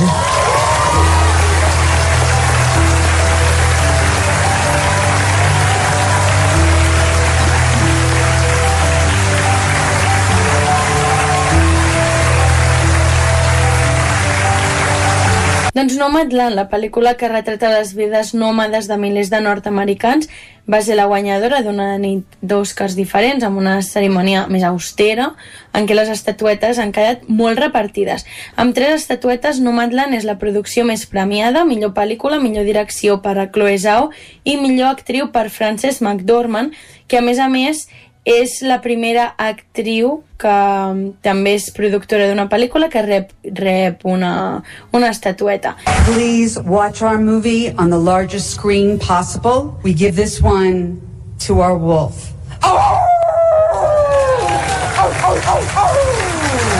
And the Oscar for Best Actress goes to Frances McDormand. I have no words. My voice is in my sword. We know the sword is our work. And I like work. Chloe Zhao, Nomadland. Oh man. Goes 人之初，性本善. People at birth are inherently good. And those six letters had such a great impact on me when I was a kid. And I still truly believe them today. Is for anyone who have the faith and the courage to hold on to the goodness in themselves and to hold on to the goodness in each other, no matter how difficult it is to do that. Zhao s'ha convertit en la segona dona de la història en guanyar l'Oscar a millor direcció. La primera va ser la Catherine Bigelow fa 13 anys amb Tierra Hostil. Com deia McDormand, a estatueta com a productora és la quarta estatueta que suma i s'ha convertit als 63 anys en la setena integrant del selecte club d'actrius amb tres Oscars, on hi ha, entre d'altres, la Meryl Streep, la Ingrid Bergman i la Catherine Hepburn. A més, quan ha recollit aquest premi, abans ho hem, ho hem escoltat, McDormand, uh, bueno, per Dúdula, no? Com, bueno, això si heu vist la pel·li ho entendreu, ha estat l'única persona en tota la cerimònia que ha fet una crida al cinema per veure les pel·lícules. L'actriu de 63 anys, que ha treballat sovint en cinema independent i allunyada de les grans produccions, ja havia guanyat a Fargo el 1996 i a una pel·lícula que n'havíem parlat moltíssim a cinema, perquè es va estrenar quan estàvem fent aquesta secció, fa 4 anys amb tres anuncios a les afueres. Jo Jong-un.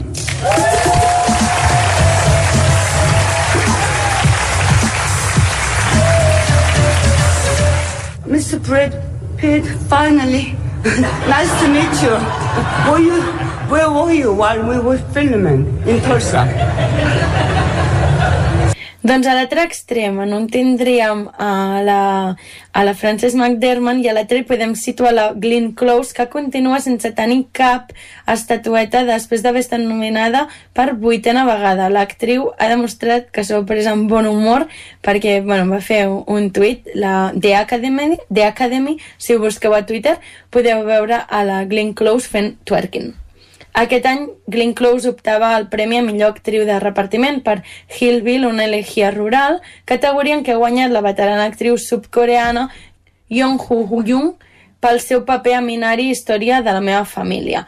Jung Hoon s'ha referit a Close quan ha recollit el premi i ha dit no crec en la competència com he de guanyar jo a Glenn Close, només he tingut més sort. També ha tingut paraules per Brad Pitt, productor de Minari, Història de la meva família, que també ha estat el presentador d'aquest premi. Encantada de conèixer el senyor Pitt, ha dit, abans de preguntar-li on era vostè quan rodàvem la pel·lícula. Anthony Hopkins, the father. The Academy congratulates Anthony Hopkins and accepts the Oscar on his behalf. Doncs una de les anècdotes que us deia d'aquesta gala és la de l'Anthony Hopkins, no perquè guanyés el premi a millor actor, sinó que això era un premi merescut per la, la pel·lícula El pare. Amb 83 anys és l'actor amb més edat que ha guanyat un Oscar en aquesta categoria, sinó perquè és l'únic actor de la nit a qui no s'ha vist durant la cerimònia perquè era Gales, d'on ell és, i ja s'havia anunciat que no hi hauria cap connexió telemàtica per Zoom ni cap altre sistema. Aquest és el segon Oscar per Hopkins, que va guanyar el primer ara fa 30 anys per la seva interpretació d'Aníbal Lecter al, al Silenci dels Anyells, i el premi a Hopkins, la veritat, ha estat una sorpresa i ha deixat sense Oscar pòstum a Chadwick Boseman, mort de càncer aquest any, nominat per la Madre del Blues. He de dir tot i així que Hopkins ha fet un vídeo a les xarxes socials, el podeu buscar, on també ha parlat de Chadwick Boseman i d'aquest premi Oscar que ell no s'esperava guanyar i per això, de fet, eh, diu que ell estava dormint quan van donar aquest premi. El Premi Millor Actor de Repartiment ha estat per Daniel Kaluuya per la seva interpretació de líder dels Panteres Negres de Judas i el Messias Negro. El pare i Judas i el Messias Negro són dues de les sis pel·lícules que s'han endut dos Oscars. Les altres quatre són La Madre del Blues, Sound of Metal, Soul de Disney i Mank, que acaparava 10 nominacions. El pare també ha guanyat l'Oscar a millor guió adaptat per Florian Zeller, també director, i Christopher Hampton. L'Oscar a millor guió original, d'altra banda, ha estat l'únic premi que s'ha endut una joven prometedora, pel·lícula que fa poquet que s'ha estrenat als cinemes aquí a Espanya que la gent està parlant molt i molt bé, la veritat. Emerald Fennell, promising young woman. Oh, they said write a speech. And I didn't, because I just didn't think this would ever happen. Aquest premi l'ha guanyat l'Emerald Fennell, també directora d'aquesta pel·lícula, que tenia cinc nominacions, entre les quals millor direcció, també per a Fennell, i millor actriu per Carey Mulligan. And the Oscar goes to her, Darnst Emile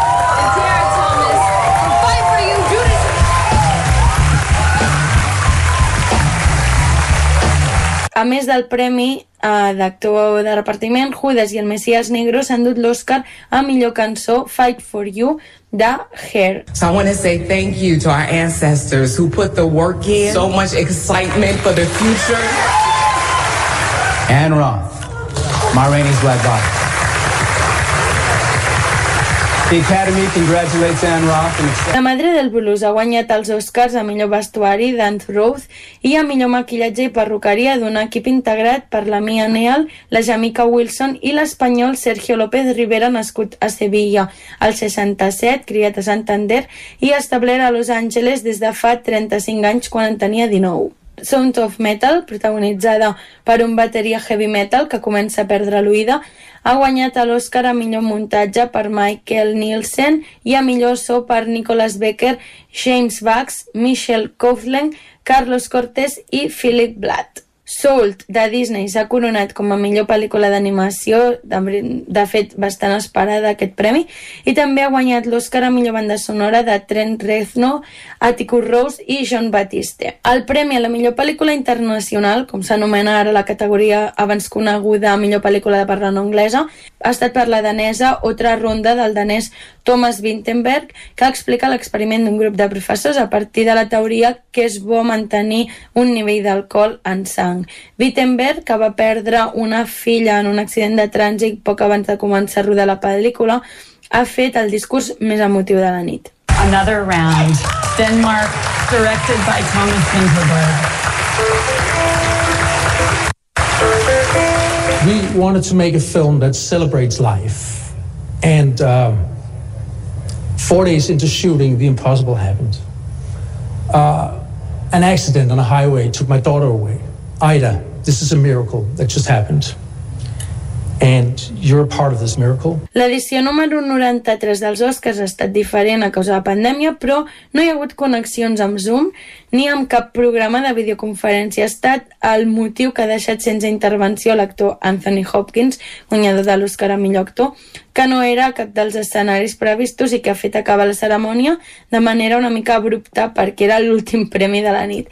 I és que una altra novetat ha estat el canvi d'ordre dels premis. No s'ha acabat com era tradicional amb els Oscars a millor direcció i a millor pel·lícula. Sí que hi ha hagut connexions televisives amb seus instal·lades en ciutats com París i Londres i s'hi han fet actuacions musicals enregistrades prèviament. Els Oscars 2021 han estat presencials per bé que amb força menys convidats que prèviament havien passat proves i havien fet aïllament. També de dir que duien mascareta en els moments de les pauses hi havia força distància entre els assistents. A Los Angeles s'ha repartit entre dos escenaris, el Dolby Theatre ha quedat en segon terme i la cerimònia s'ha desenvolupat principalment a l'estació de tren Union Station, reconvertida en un local nocturn clàssic amb els participants repartits en tauletes amb llums. La relació de la Union Station amb el cinema no és nova perquè s'hi han rodat desenes de pel·lícules com ara Blade Runner. També ha tingut una versió reduïda de la catifa vermella, menys concorreguda i també amb menys periodistes. I el director i productor Steven Soderbergh, responsable de la gala, havia anunciat que seria com una pel·lícula, però al final, superat l'inici, uns títols de crèdits rodats en ple seqüència que conduïen l'espectador fins a l'escenari, ha estat austera, poc dinàmica, tot i ser més breu, i la veritat que com a pel·lícula no, no tenia res. No t'ho perdis. Estrenes de la setmana. Doncs anem ara a les estrenes i com sempre començarem amb el cinema Esbarjo. Tu vivrai con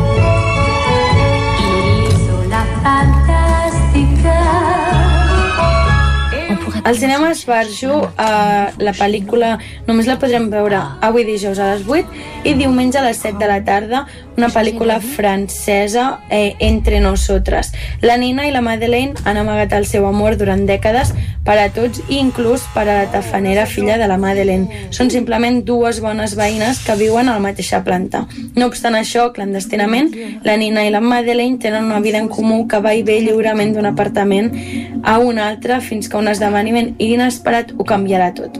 Doncs passem ara al cinema, al cinema Sucre de Vic.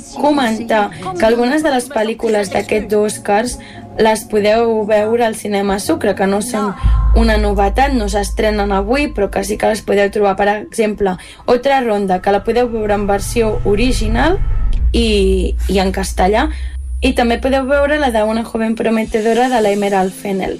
Doncs la primera estrena al cinema Sucre és El Senyor de los Anillos, la comunitat de l'Anillo. Aquest any celebra el 20 aniversari de l'estrena d'aquesta trilogia i el que es fa és una versió remasteritzada i dirigida pel Peter Jackson. Doncs una altra estrena és una pel·lícula d'animació infantil, Capitán Diente de Sable. Doncs una altra pel·lícula, El fotògrafo de Minamata, d'Andrew Flevitas, on hi trobem el Johnny Depp i és una pel·lícula dramàtica a Nova York, 1978. Després dels seus celebrats dies com a fotoperiodista més venerats de la Segona Guerra Mundial, l'Eugene Smith se sent desconnectat de la societat i de la seva carrera.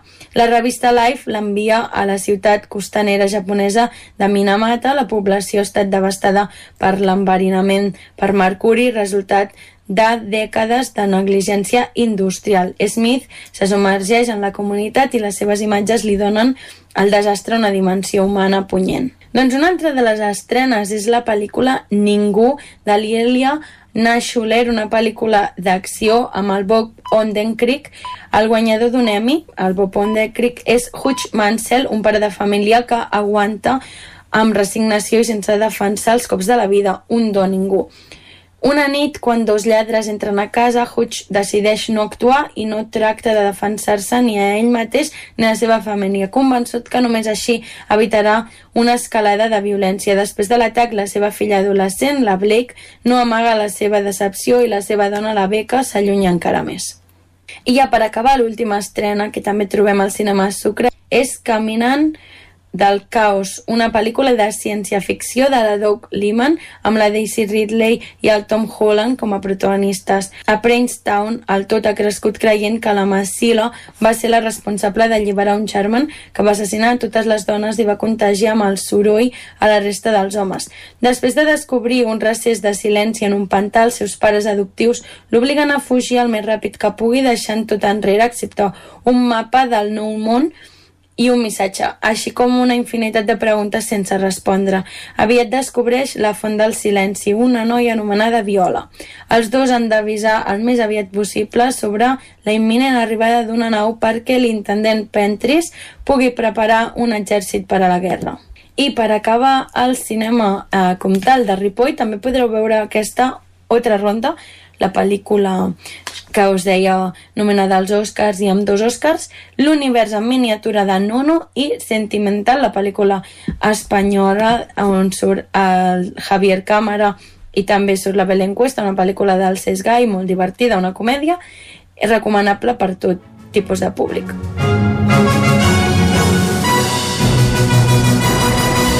Són les 11 i gairebé dos minuts del matí, deixem enrere el cinema i us acostem de nou l'actualitat de les nostres comarques, les comarques del Ripollès, Osona, el Moianès i el Vallès Oriental. Territori 17, amb Vicenç Vigues i Jordi Sunyer.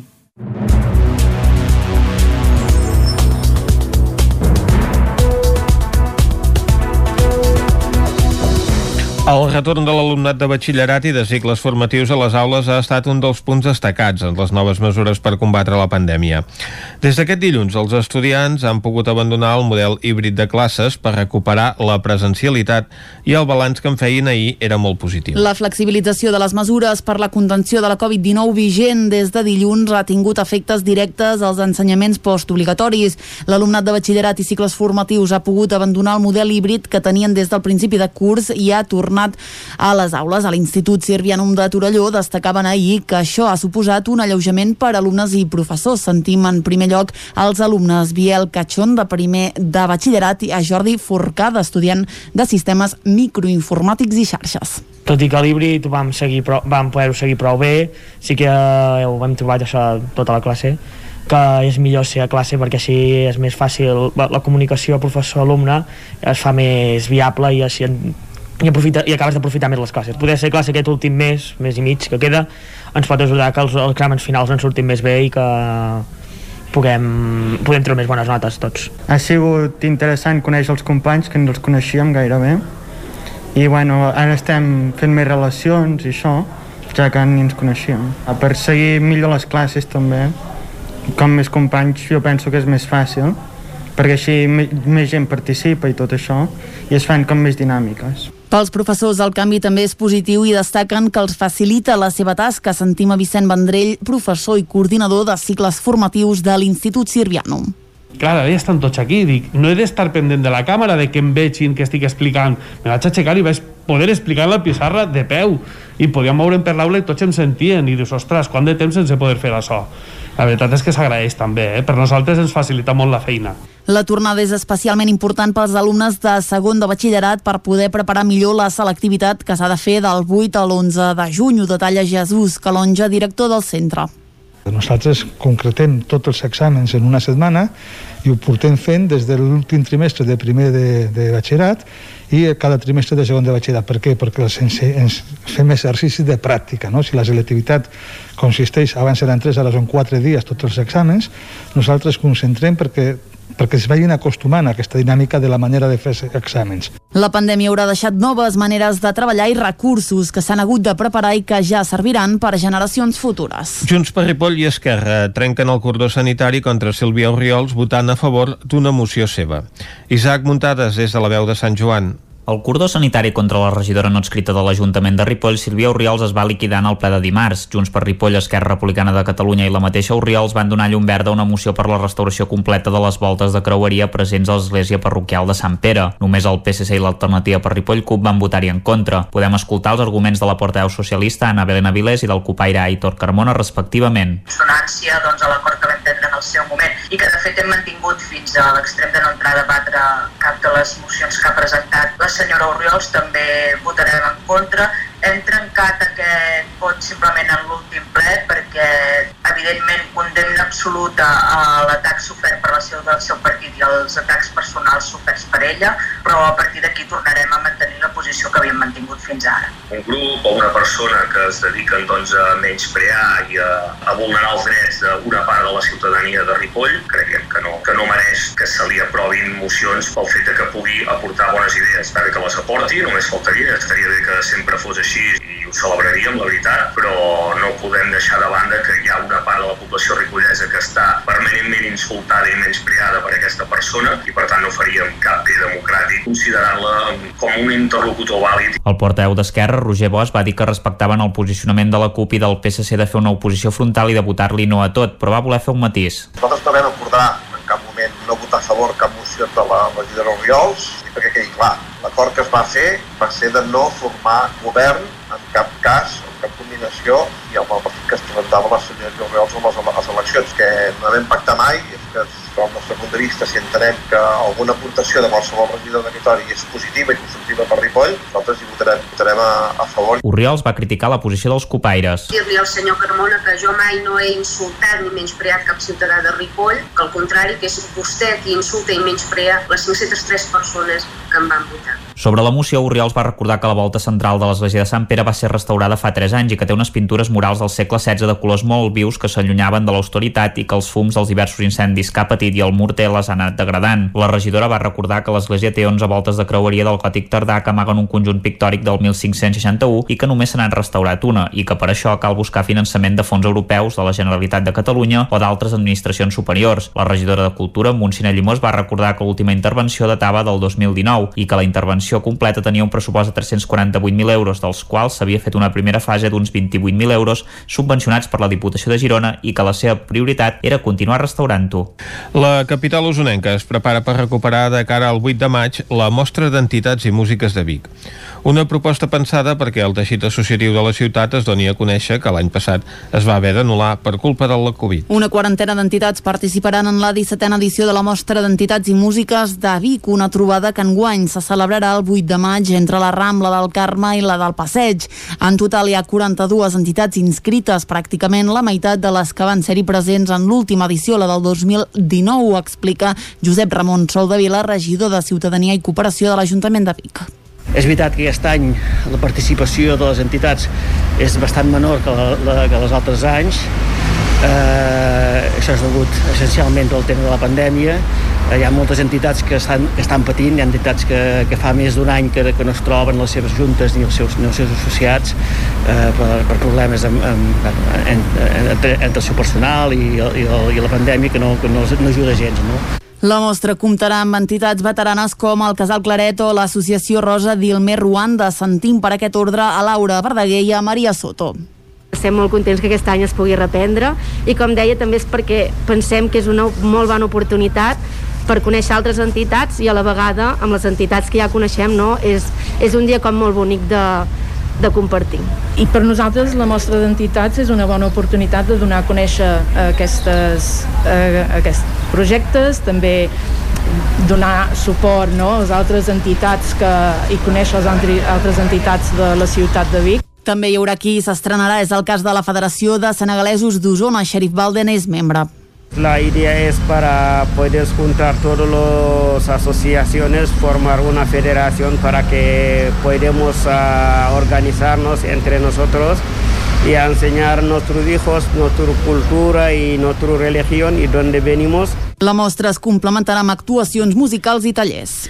L'Ajuntament de Sant Antoni de Vilamajor continua amb el seu projecte de recuperació de la memòria democràtica i està enllestint la recreació en 3D de l'antic aeròdrom militar republicà del Fou. David Auladell, de Ràdio Televisió, Cardedeu. El projecte es va iniciar el 2019 amb uns documentals de la memòria històrica. L'objectiu és recuperar l'equipament i dignificar-lo. De moment ja s'estan fent visites guiades coincidint amb l'aniversari de la proclamació de la Segona República. L'aeròdrom del Fou representa un valuós patrimoni i testimoni de la història més recent de la comarca i del país. Es conserven les pistes ara cultivades, les masies que feien funcions de caserna i quatre dels refugis. El refugi de l'Estat Major es va utilitzar com a zona d'explotació micològica en la dècada dels anys 60 del segle passat. La República va crear el sector de la Sotssecretaria Secretaria d'Obres amb seu a les Franqueses amb l'objectiu de fer nous aeròdroms a la comarca. Es van fer els de Rossanes entre les Franqueses i la Garriga, el de Cardedeu Vilamajor i el de Montornès Montmeló. L'aeròdrom militar del Fou es va construir en uns terrenys en els límits dels termes de Cardedeu, Llinàs i Sant Antoni, amb l'objectiu de protegir la ciutat de Barcelona dels atacs aeris de l'aviació franquista des de Mallorca. El camp de vol tenia dues pistes d'uns 900 metres, un refugi d'estat major amb capacitat per 200 persones, nou refugis senzills per 15 persones i una caseta de guaita i d'operacions. El refugi gran, construït al costat de Can Jofre, tenia doble entrada i era l'únic pensat per resistir els atacs amb bombes. Els altres eren contrafoc de metralladores. Esports. Vigues i Riells amplia les instal·lacions esportives al municipi i ho fa amb l'estrena d'una zona per practicar calistènia, una disciplina d'entrenament molt popular entre els joves i els practicants de fitness. Caral Campàs, des d'Ona Codinenca. El workout estrenat aquest mes d'abril es troba al Parc de Can Badell, just al costat del nou espai jove La Cova. Aquesta instal·lació de barres, que ha tingut un cost de 3.500 euros, ja es pot fer servir per la pràctica de la calistènia i en un futur s'hi vol incorporar una tirolina i una pista per skate. Joan Galiano, alcalde de Vigues i Riells, ha explicat d'on sorgeix la iniciativa.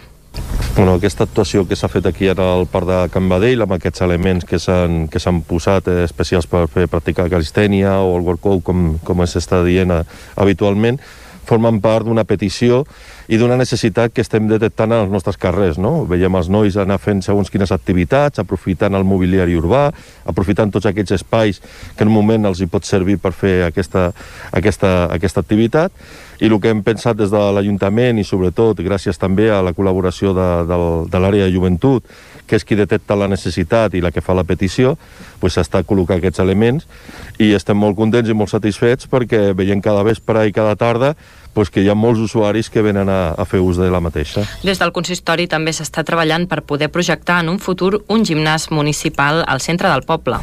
Bueno, amb el tema del gimnàs eh, hi han tres alternatives, hi han tres possibilitats que en un moment donat eh, hem estat treballant eh, en algun àmbit amb els, amb els veïns i en altres pues, a nivell de, de particulars i en aquest cas pues, hem avançat molt amb una proposta veïnal que s'adapta perfectament a el que nosaltres eh, considerem que és necessari.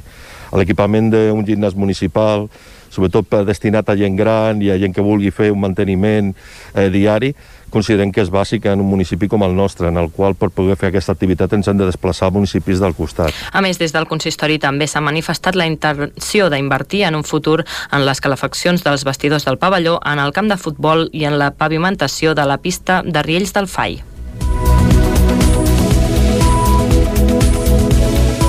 I fins aquí el butlletí informatiu de les 11 del matí que us hem ofert amb Vicenç Vigues, Clàudia Dinarès, David Auladell, Caral Campàs i Isaac Muntades. Ara un breu parèntesi de mig minut i de seguida, quan siguin un quart eh, de 12 del matí, el que farem és saludar a la Cristina Enfruns, que cada 15 dies ens visita aquí a Territori 17 per ajudar-nos a parlar una mica millor el català. La saludem de seguida. Fins ara. Territori 17. Envia'ns les teves notes de veu per WhatsApp al 646 079 023. 646 079 023. WhatsApp Territori 17.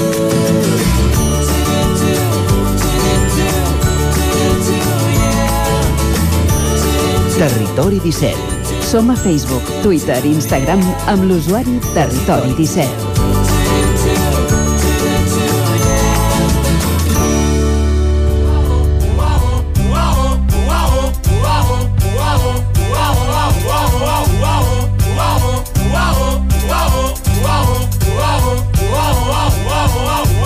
Sobren paraules, agulla... Doncs a la Cristina Enfruns no li sobren mai paraules, oi que no, Vicenç Vigues? que no. Uh, Se les sap totes. Cristina, molt bon dia. Bon dia. I quan són un quart de 12, ara sí, en punt del matí, doncs a la Cristina que ens ajudarà a parlar una mica millor el català. Cristina, i avui per on aniran els trets? Va, a veure, avui eh, anirà de medicina. Medicina, medicina, medicina, medicina. Ara va, ara va. Molt, molt, molt bé. Però, si m'ho permeteu, I faré tant. primer un petit apunt. Ja que heu parlat abans dels Oscars. Mhm. Mm, primer de tot volia dir que Oscars l'hem d'escriure sempre en majúscula, eh, quan parlem dels És premis. un nom propi, sí, sí. I la pronúncia l'hem de fer amb O oberta. És a dir, no hem de parlar dels Oscars, Oscars, sinó dels Oscars. Eh? Hem d'obrir la boca amb O oberta. I pel que fa al nombre, un Òscar i quan en tots els altres casos seran Oscars. Eh? I els premis Oscars no, ha guanyat un Òscar. Eh?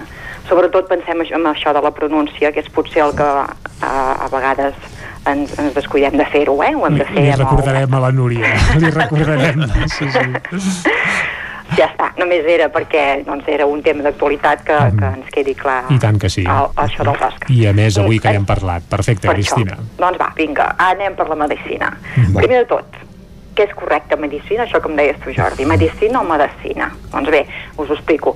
Les dues formes eh, eh, són correctes, eh? Quan ens referim a un medicament, tant és vàlid dir medicina com medicina, eh? Quan has d'anar a comprar una medicina o pots anar a comprar una medicina. Per tant, en, quan ens referim al medicament, pot ser les dues formes.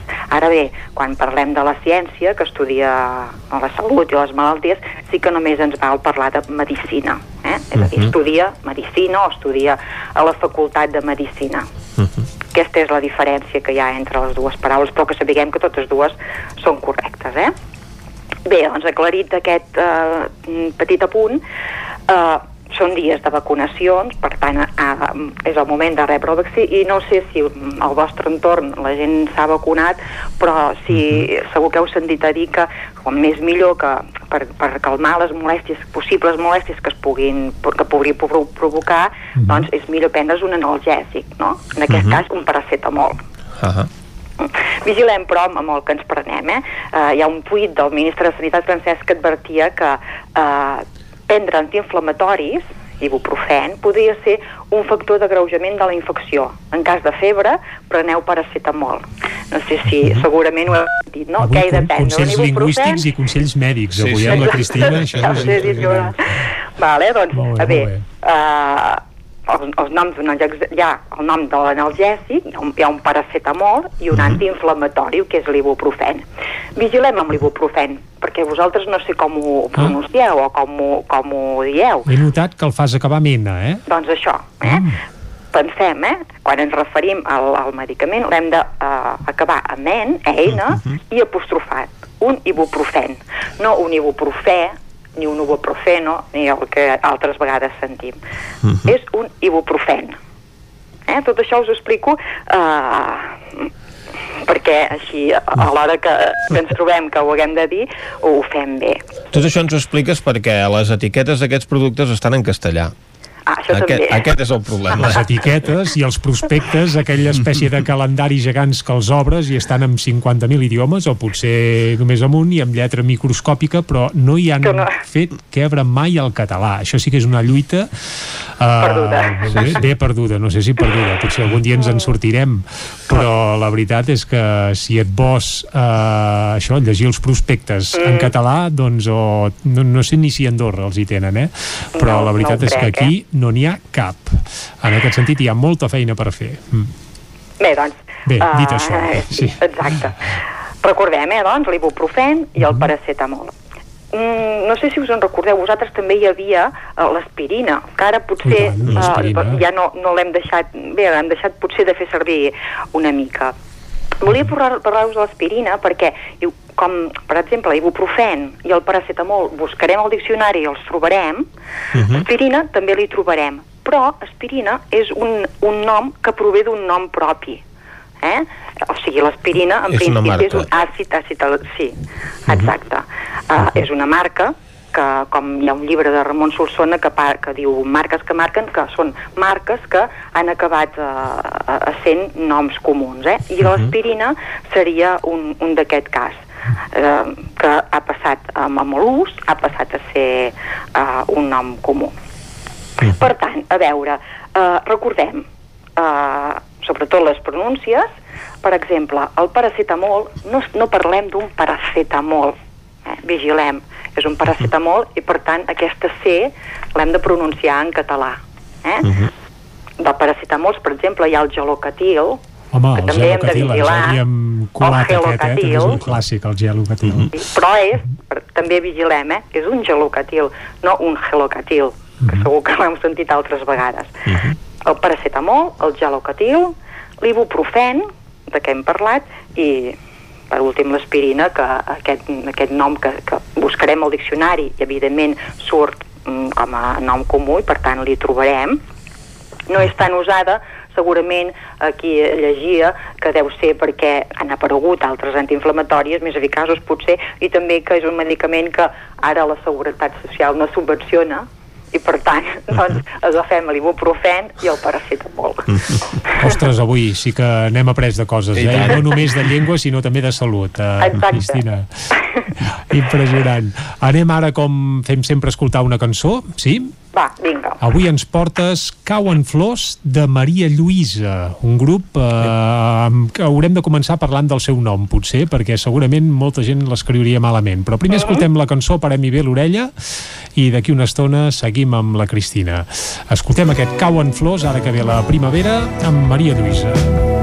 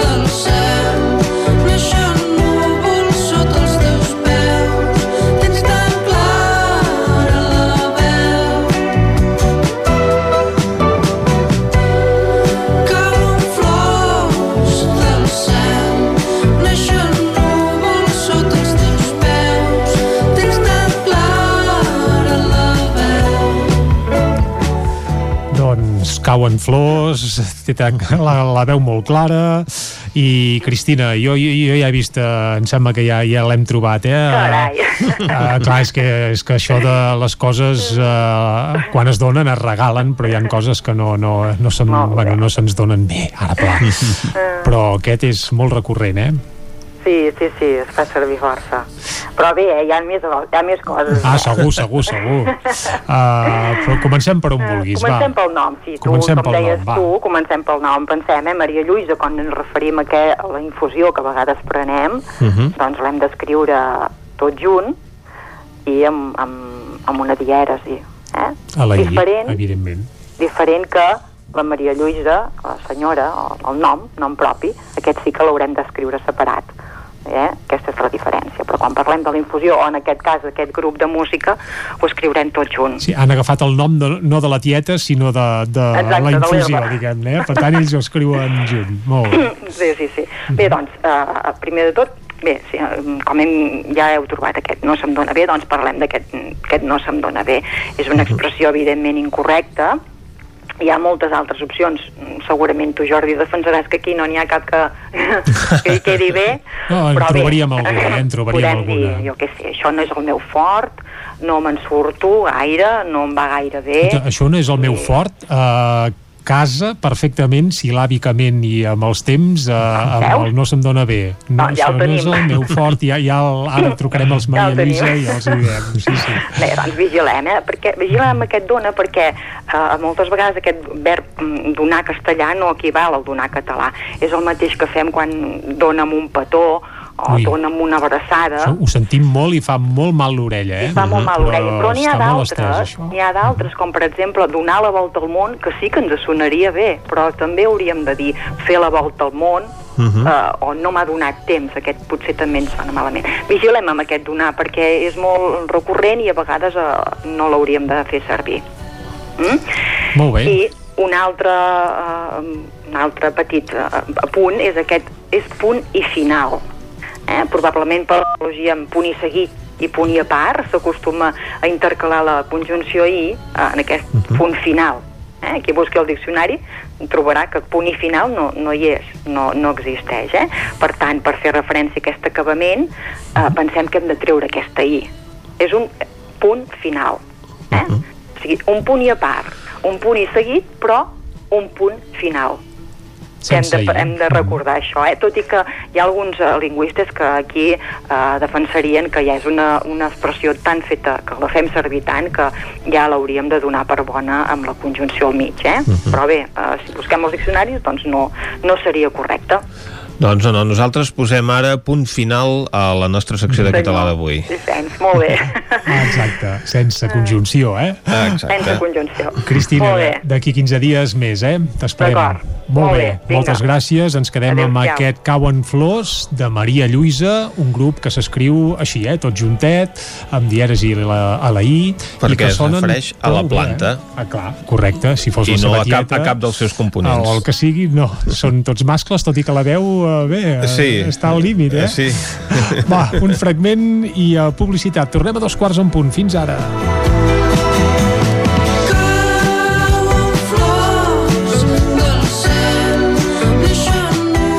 Territori 17.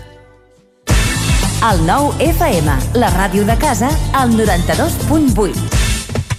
Pintures Xevi Soler. Tot en pintures. Façanes, obra nova, rehabilitacions interiors de vivenda, estucs, microciments, pintura industrial, motllures, terres vinílics... Pintures Xevi Soler. Ens agrada assessorar-vos i fer de casa vostra el millor lloc del món. Ens trobareu a Manlleu, al carrer Sogorb 113, telèfon 616 15 87 33 o 93 851 3504. Per al Dia de la Mare, vine a la Cakery a buscar un dolç ram. Galetes decorades i cupcakes especials. Pastissos personalitzats, galetes, cookies, brownies i molt més. Ens trobaràs a Vic, al carrer de Gurb 34 Baixos, al telèfon 93 886 70 51 i també a Instagram i Facebook. Cocodril Club. Si t'agrada la bona música dels anys 60, 70 i 80, escolta el 9 FM als matins de dissabtes i diumenges d'11 a 1. És el temps del Cocodril Club, tot un clàssic de la ràdio, amb les bases del pop-rock, les llegendes, les cançons que s'han convertit en autèntics himnes. Recorda, dissabtes i diumenges al matí, d'11 a 1, al 9 FM 92.8. Cocodril Club, el programa revival de l'Albert Malla. Hasta luego, cocodrilo. Anuncia't al 9FM. La màquina de casa. 9 3 8 8 9 4 9 4 9. Publicitat arroba al 9FM.cat. Anuncia't al 9FM. La publicitat més eficaç. Rètols 2 arcs. Experts en comunicació visual. Rètols, banderoles, vinils, impressió, plaques gravades, senyalització, display... Rètols Dos Art. Ja són 25 anys al vostre servei. Ens trobareu a la carretera de Vic a Olot, número 7, al polígon Malloles de Vic. dosartvic.com Telèfon 93 889 2588. Per al Dia de la Mare, vine a la Cakery a buscar un dolç ram. Galetes decorades i cupcakes especials. Pastissos personalitzats, galetes, cookies, brownies i molt més. Ens trobaràs a Vic, al carrer de Gurb 34 Baixos, al telèfon 93 886 70 51 i també a Instagram i Facebook. El Sabater. Reparació de calçat al moment i còpies de claus de seguretat i de cotxe. Esmolem tisores i ganivets, cosim pell i cremalleres, arreglem articles d'alpinisme i canviem soles de botes i sabates de muntanya i running. El Sabater. Som a la plaça Cris Rei número 1, al costat de l'església de Dalt Vila, de Manlleu. Telèfon 677 45 46 01. El 9 FM, la ràdio de casa, al 92.8.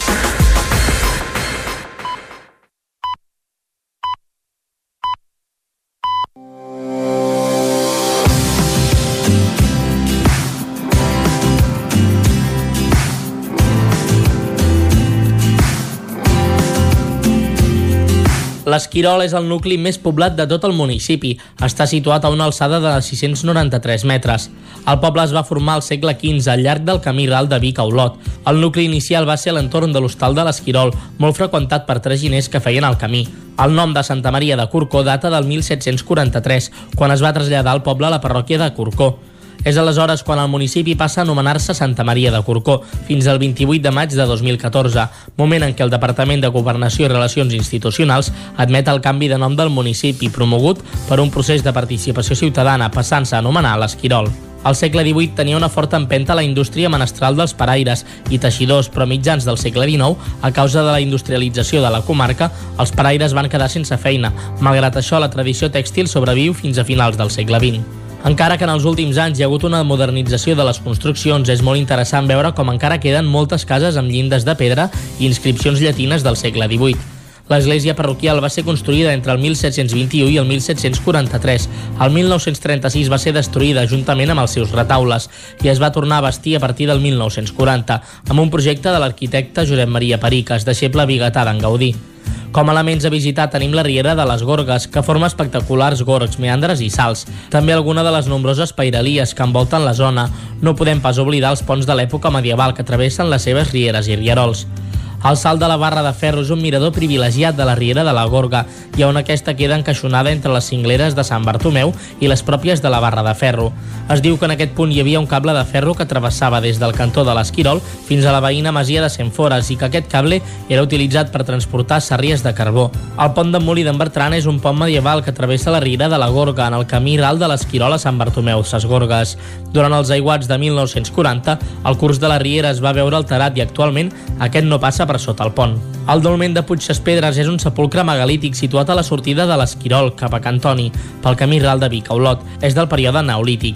Per arribar-hi es pot fer fent la ruta de l'Esquirol, la foradada Cantoni Gros, una ruta sorprenent que, seguint un agradable i ombrívol camí des de l'Esquirol, ens portarà fins a l'impressionant salt de la foradada i el poble acollidor de Cantoni Gros. El camí de les Fontiques en aquest tram és espectacular i la ruta circular, molt, molt recomanable. Caminarem a l'ombra protegits per roures, avellaners, aurons, blades i tilers amb la vista a la riera de la Gorga, a l'anada, i per un paisatge més obert seguint el traçat del camí de Sant Jaume a la tornada fins a arribar a l'Esquirol.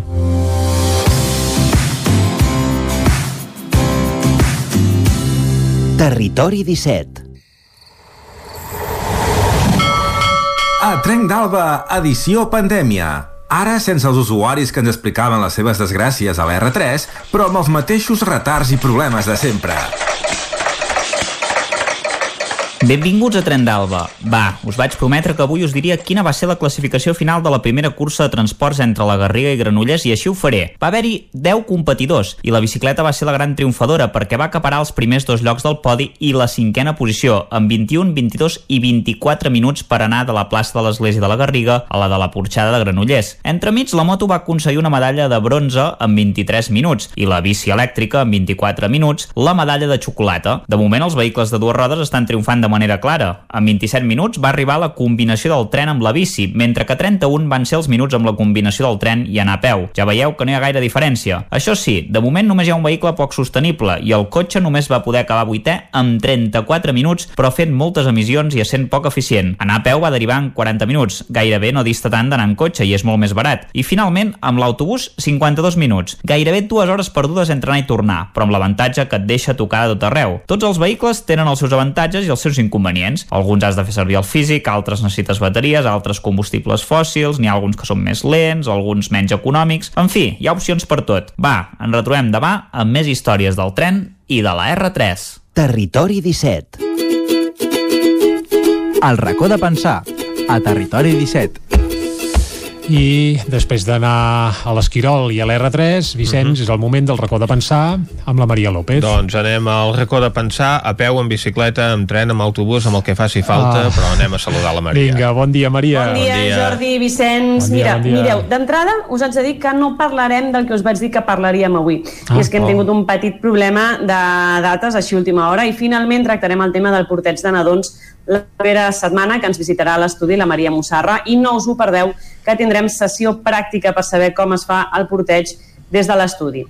Dit això, avui ens endinsarem en un nou tema, però també amb un nou punt de vista. Mireu, ja fa, ja fa quasi dos anys, perquè sembla que no, però els dies van passant i Territori 17 ja té solera, vàrem estar parlant sobre l'educació emocional i com era d'important que les escoles poguessin incloure eh, l'educació emocional a les aules. La mirada, les mirades canvien, l'educació, per sort, també evoluciona, i avui és evident que lluitar contra la mostra de les emocions i la dificultat per identificar-les a la llarga pot generar molt patiment.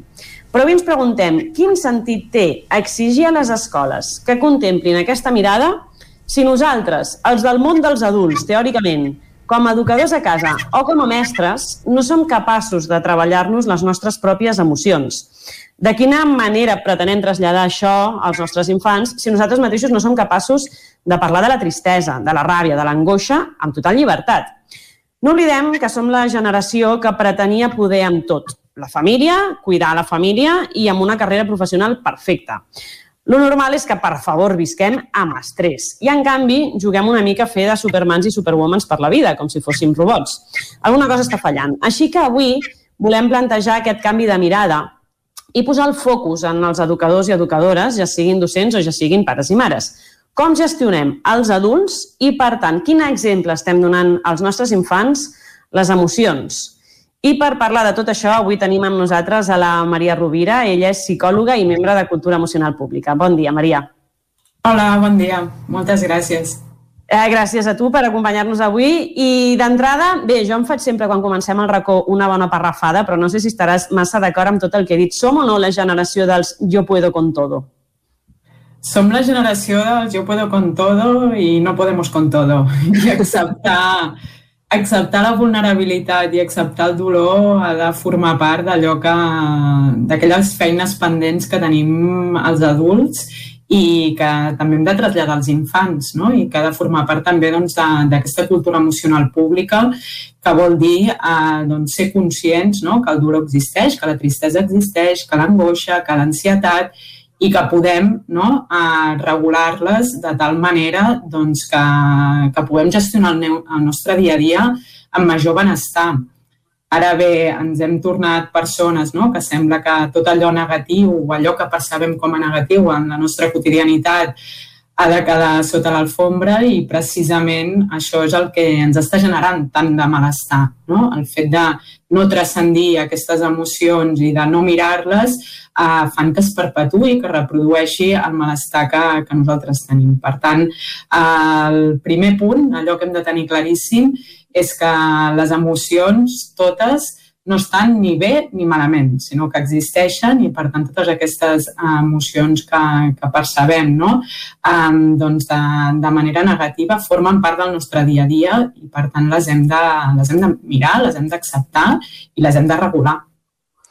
Perquè a més no sé si estaràs d'acord, però crec que ens ha passat una cosa molt curiosa, molt curiosa i sobretot a les, a les dones, que ha sigut amb aquest, d'alguna manera, amb aquest canvi en el que eh, la dona agafa la carrera professional amb la mateixa intensitat amb la que anys enrere només ho feien els homes, hem agafat aquest, aquest, això com a punt fort, però també hem fet un canvi en l'exposició de les nostres emocions. Crec que hi ha hagut una tendència eh, per part de les dones, eh, de, en el moment en què hem fet aquest pas, passar a fer-nos molt més fortes o a simular que, que podem amb tot, no? una mica aquest, aquest posat més de superwoman i, i no només puc amb la casa, puc amb la, amb la carrera professional i puc amb tot l'orgull i amb tot el d'això del món com si, com si no estigués passant res dintre nostra i ho estiguéssim visquent tot amb tota la naturalitat, quan segurament tots estem molt més estressats, no? Hem començat encara a amagar més les emocions que abans? Sí, jo crec que en el cas de, de les dones, no, doncs evidentment um, sí que per la socialització que nosaltres tenim encara analitzem no, que les dones tenim una capacitat de parlar sobre les emocions, de compartir-les i d'aprofundir no, en com estem i com ens sentim d'una manera molt més um, accentuada no, que, que els homes i això és fruit de la socialització de gènere que nosaltres encara tenim com a, com a dones i fruit del sistema en el que nosaltres um, estem. Uh, ara bé, també, això que tu comentes, no? aquesta doble jornada laboral, triple jornada laboral que tenim les dones, no? de les feines en el mercat laboral, però també a casa i també doncs, si participem en la nostra comunitat, doncs ja seria no? aquesta tercera, Uh, això el que produeix és que després en les dades um, veiem un viatge de gènere, no? de, de trastorns de, de salut mental, de sintomatologia uh, depressiva, d'estrès. Per tant, això realment té una traslació després, no? aquesta imatge no? de que ens hem fet de que les dones podem amb tot no? i que realment ha estat així, vull dir, ha estat que hem assumit doncs, a formar part del mercat laboral, a, també no? doncs, portar les tasques a, de cura i de la llar i també doncs, aquesta participació en l'espai públic, um, això té unes derivades no? i té unes conseqüències a nivell psicològic, a nivell de malestar emocional i això els estudis ens ho demostren d'aquesta manera. No? Per tant, eh, és evident que per poder mm, assumir tots aquests papers, no? d'una banda calen mesures estructurals també, vull dir, les dones no s'han d'encarregar no? de, de totes les tasques de la llar i ha d'haver una socialització d'aquestes tasques um, doncs per part de, de, de tots i totes no? i han de ser assumides per, per tothom, um, però alhora hem de tornar a posar al centre el que és parlar de com estem, com ens sentim no? i que el nostre dia a dia no sigui tan insostenible que faci que la nostra vida s'acabi fent insostenible, perquè al final quan no podem sostenir allò que ens passa, allò que sentim, allò que pensem, allò que, que ens passa al cos, no? vivim absolutament desconnectades del nostre cos i moltes vegades quan parem uns dies el primer que passa és que emmalaltim no? I, i que ens trobem malament i que ens venen tots els mals d'esquena, bé, el nostre cos no? està sostenint dia a dia uh, una pressió, una tensió, una, un seguit d'emocions que si no les, que si no les treballem, que si no les canalitzem, que si no ens aturem, mm, les mirem, respirem, eh, doncs això a la llarga no, provoca eh, trastorns que poden ser greus a nivell de salut mental i per tant ha de ser també una prioritat aquest eh, atendre les nostres emocions, escoltar-les, mirar-les i fer-nos el nostre dia eh, sostenible en aquest sentit. Una de les coses que crec que ens passa una mica a, a les persones que eduquem, ja sigui en escola o ja sigui a, a casa, crec que hi ha com una mica de por a l'hora de mostrar eh, demos- demostrar les, les emocions, perquè moltes vegades es vinculen a un, a un tema de debilitat davant dels infants. És com si haguéssim de, davant dels, dels nens i nes- nenes haguéssim de tenir sempre el posat de tot està bé. Quan en realitat els estem, estem intentant integrar a les escoles un tema d'educació emocional. Quin sentit té, d'alguna manera, no, que demanem a les escoles que integrin aquesta educació emocional si després nosaltres a casa no som capaços de mostrar els nostres propis sentiments davant dels infants. I d'altra banda, com els hi afecta als infants veure un pare o una mare trist en un moment donat? Clar, jo crec que mm, bueno, forma part no? també eh, de, del model i de l'estructura del sistema en el que nosaltres vivim. Nosaltres no som exempts d'això no? i, per tant, és ah, doncs, aquesta lògica de la competitivitat, de jo necessito estar bé, jo m'he de mostrar bé, no puc mostrar debilitat, no? i totes aquestes emocions doncs, que, que mostren vulnerabilitat i, i debilitat, que, que al final és una fortalesa en realitat, perquè som això, és a dir, no podem negar no? que, que també som això i per tant amagar-ho al final és no ser realista però mm, el fet de que se'ns hagi inculcat no? com que això és lo positiu, el primer que nosaltres hem de fer és acceptar que no, que nosaltres no som això no? i que per tant nosaltres hem de poder uh, mostrar aquesta tristesa, mostrar aquesta frustració, mostrar els enfados i que l'important no és um, tant l'emoció concreta que jo sento, sinó què em faig no? jo d'aquesta emoció, perquè nosaltres sentim durant el dia centenars d'emocions. Per tant, és important davant dels infants explicar, no? em posar aquesta consciència emocional de saber anomenar les emocions i de dir, mira, jo estic sentint això, però arrel de que estic sentint això, el que faig doncs, és que me'n vaig 5 minuts no? a, a l'habitació a respirar. No? I, I aquesta és la meva manera de regular-me el que m'està passant a mi i poder-ho socialitzar i parlar-ho amb natural, naturalitat i explicar-ho, perquè si no el que ens trobem és uns infants potser no? amb una capacitat um, emocional no? i de, de comprensió i de, de consciència i de regulació que després, a la que arriben a casa o a la que es socialitzen amb els adults, queda absolutament um, doncs, tallada no? per, per la realitat que es troben. Per tant, és important que els adults també ens treballem tota aquesta capacitat um, i totes aquestes competències relacionades no? amb, el, amb el benestar emocional, que al final comencem també per anomenar les emocions ens trobem amb moltíssims adults que són incapaces, um, incapaços de, de, de dir què senten i de dir um, què pensen en relació a aquella emoció i de descriure no, què li passa al seu cos en relació a aquella emoció. Quan tenim centenars d'emocions um, o un ventall de centenars d'emocions i ens quedem amb 5-6 emocions, no? Hem només. Aleshores, és important i, i també és important saber doncs, que hi ha processos per acompanyar no? tot aquest aprenentatge i tot aquest coneixement. Això de jo és que ja sóc massa gran, no, mai s'és massa gran no? per, per aprendre um, a saber què, què ens passa internament, a saber anomenar les emocions, a saber també regular-nos aquestes emocions i, i és el millor exemple també que nosaltres podem donar als infants, no? el fet de naturalitzar que, que els humans som això i que al final n'hem de poder parlar, ho hem de poder explicar i ho hem de poder sostenir, no? Perquè si no, el que ens estem trobant és que això acaba derivant en, en trastorns de salut mental. No? I acaba eh, de tal manera doncs, que els nostres sistemes acaben col·lapsant amb els nostres sistemes eh, com a persones. Eh? I, per tant, eh, és prevenció, és eh, una, una necessitat de prevenció que, que tenim i alhora també que, que es pot viure bé, que podem aprendre a viure bé, no? malgrat la incertesa, malgrat la por, malgrat la tristesa, nosaltres podem traçar un camí per viure bé i crec que tothom es mereix tenir l'oportunitat de saber com traçar aquest camí. No? I per tant, doncs, posar sobre la taula això, que a les escoles ja s'està fent un gran esforç, Uh, i ara toca socialitzar-ho entre els adults no? I, i per tant bé, nosaltres precisament des de Cultura Emocional ara estem fent cursos no? i traiem uns cursos precisament per, pels adults no? i per socialitzar això al màxim de, de gent possible perquè ens sembla una eina imprescindible per, per poder viure bé per algú tan fàcil de dir i difícil de fer, no? Com és el fet de... De, de fet, tu deies, no, ara que es pot, o sigui, que es pot com aprendre que a mi de fet és una de les coses que, de fet ho has deixat dit una mica, no? que una de les coses que més ens costa al, als adults eh, ja no és només actuar davant l'emoció, sinó d'entrada reconèixer-la, perquè a mi una de les coses que, que em sorprèn jo que tinc nens petits, no? el, el petit no fa masses dies em va dir que estic trist i jo li deia, per què? Em deia, no ho sé, però estic trist. I era un punt de partida.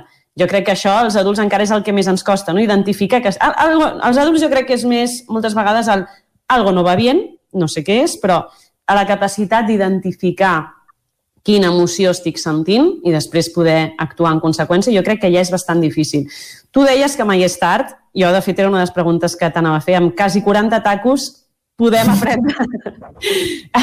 Tinc una amiga que té quasi 40 tacos i diu, que, i diu que si estem a temps d'aprendre a gestionar això, no? a identificar la, les emocions i, i un cop identificades buscar solucions. Parlaves d'unes formacions, com s'ensenya això? Perquè sembla estrany no? que es pugui ensenyar això a una persona que ja porta una motxilla de X anys. Doncs sí, no només eh, es pot fer, sinó que jo crec que s'ha de fer no? uh, per la salut uh, nostra i per la salut de les persones que ens envolten. Crec que totes hauríem de, de fer l'esforç d'aprendre a, a regular-nos les emocions, d'aprendre a generar-nos benestar.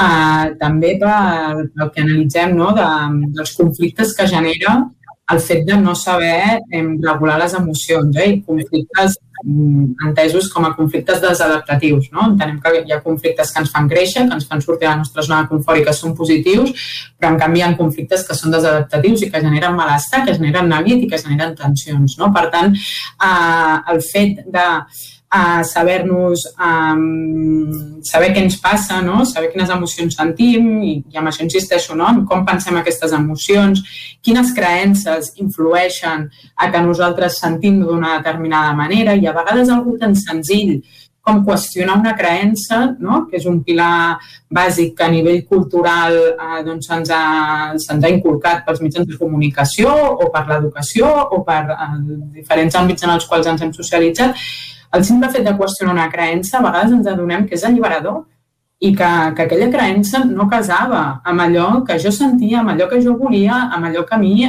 m'aporta benestar. No? Per tant, el que també veiem és que amb petites accions com aquest qüestionar creença, com aquest apuntar què em passa el dia a dia, que no, escriure en una llibreta què em passa el dia a dia que, que em fa sentir bé i què és el que em fa sentir malament, identificar quins són aquests moments i, per tant, com em puc produir més moments que em generin benestar, fer un pla d'acció, no? I com em puc produir um, o disminuir aquells moments que em generen um, menys malestar. Quines coses m'havien servit en el passat que ara ja no em són útils, però com que no hi he posat consciència, com que no m'he parat, com que no ho he analitzat, um, doncs jo les continuo reproduint, perquè al final el nostre cervell optimitza recursos i un cop tu has après a fer les coses d'una determinada manera, el cervell tira milles. I si tu no l'atures, no? i fas aquest com procés de reflexió que amb petites accions molt petites um, i, i fàcils, no? en certa manera, nosaltres podem posar el focus i podem posar l'atenció en allò, canviem conductes i canviem uh, emocions i canviem pensaments. I això per mi és, un, és una gran notícia, no? perquè podem ser estrategues, en certa manera, de, del nostre benestar i de, i de la gestió no? també del nostre dia a dia d'una manera molt més sostenible.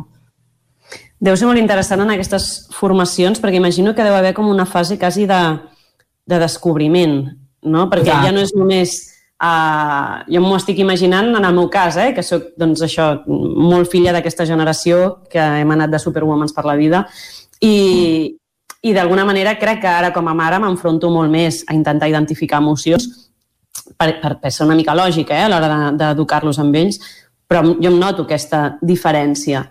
I em dóna la sensació que amb aquestes formacions eh, o amb aquest acompanyament, d'alguna manera, et deus trobar ja no sols amb la capacitat de començo a reconèixer-les ara, sinó que deu haver com un revulsiu de situacions anteriors, de coses viscudes que en el seu moment, pel que sigui, no has pogut gestionar, identificar coses del teu passat, no? I crec que en aquest sentit deu ser com, com un, bueno, un meneo emocional interior bastant potent, no?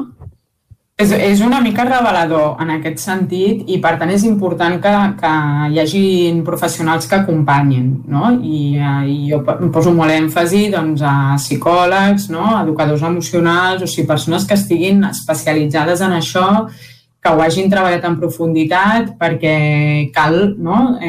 saber, saber acompanyar de tal manera que això no et generi no, uh, un, una esmena a la totalitat allò que has fet. És a dir, al final no, hi ha moltíssimes coses que fem al, nostre llarg, al llarg de la nostra vida, no, que són decisions, i tu en un moment determinat tenies un seguit de coneixements i ara no, no és el mateix l'anàlisi que tu fas de tu mateix doncs, als 35 anys que el que podies fer als 20, no? perquè és evident que la motxilla d'experiències, de persones que has conegut, de com tu t'has construït, doncs em, vira, però està molt bé en un, en un moment donat poder dir, ostres, em dono l'oportunitat i a mi em sembla imprescindible, no? i també veient doncs, com estan les dades en relació a la salut mental, precisament, les angoixes, les ansietats, els estressos, no? uh, la sintomatologia depressiva, etc.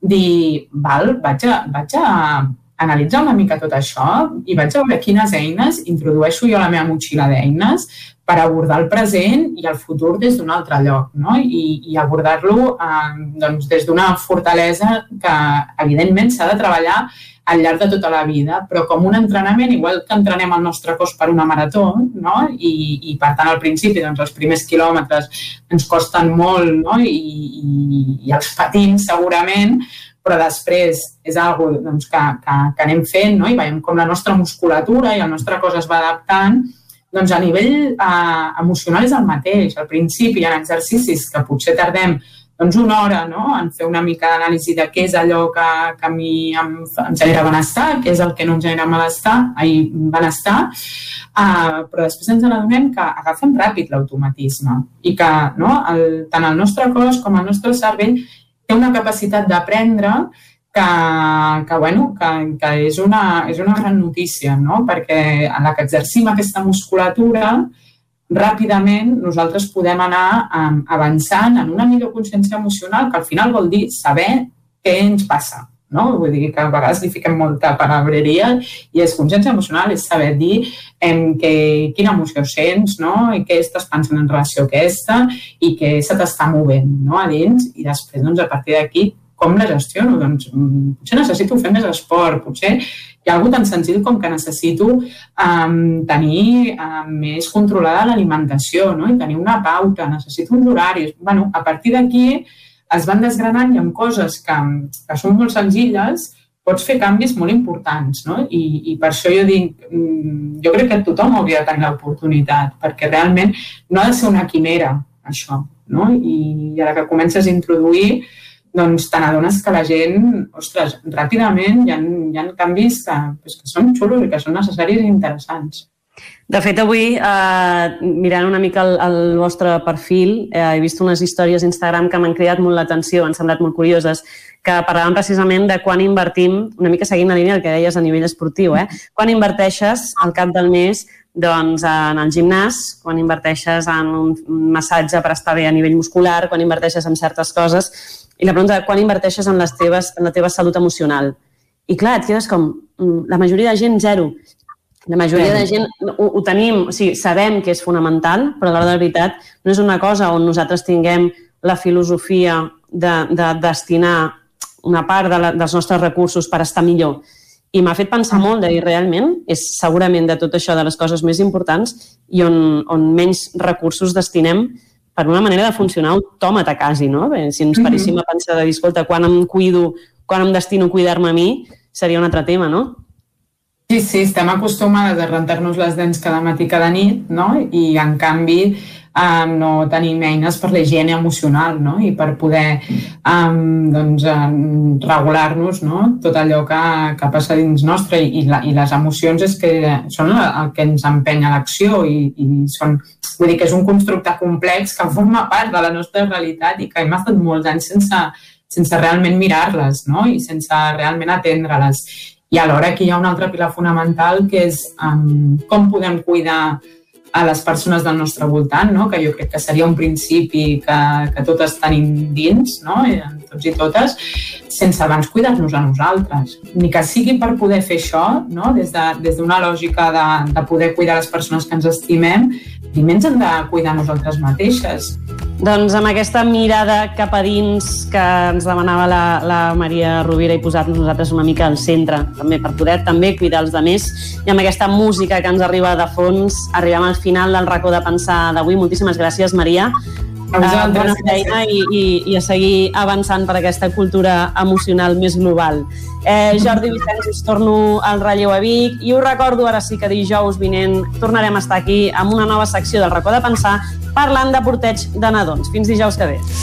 Moltes gràcies, Maria. Moltes gràcies. Fins dijous que ve i Vicenç, nosaltres ja anem a enforquillar la recta final del programa d'avui. I tant que sí. Un programa que hem fet... Clàudia Dinarès, Caral Campàs, David Auladell, Isaac Muntades, Pepa Costa, Isaac Moreno, Guillem Rico, Jordi Vilarrodà, Núria Lázaro, Cristina Enfruns, Maria López, Jordi Sunyer i Vicenç Vigues. Nosaltres tornarem demà divendres i serem, com sempre, des de les 9 del matí i fins a les 12 del migdia. Adeu. Que vagi molt bé. Ciao.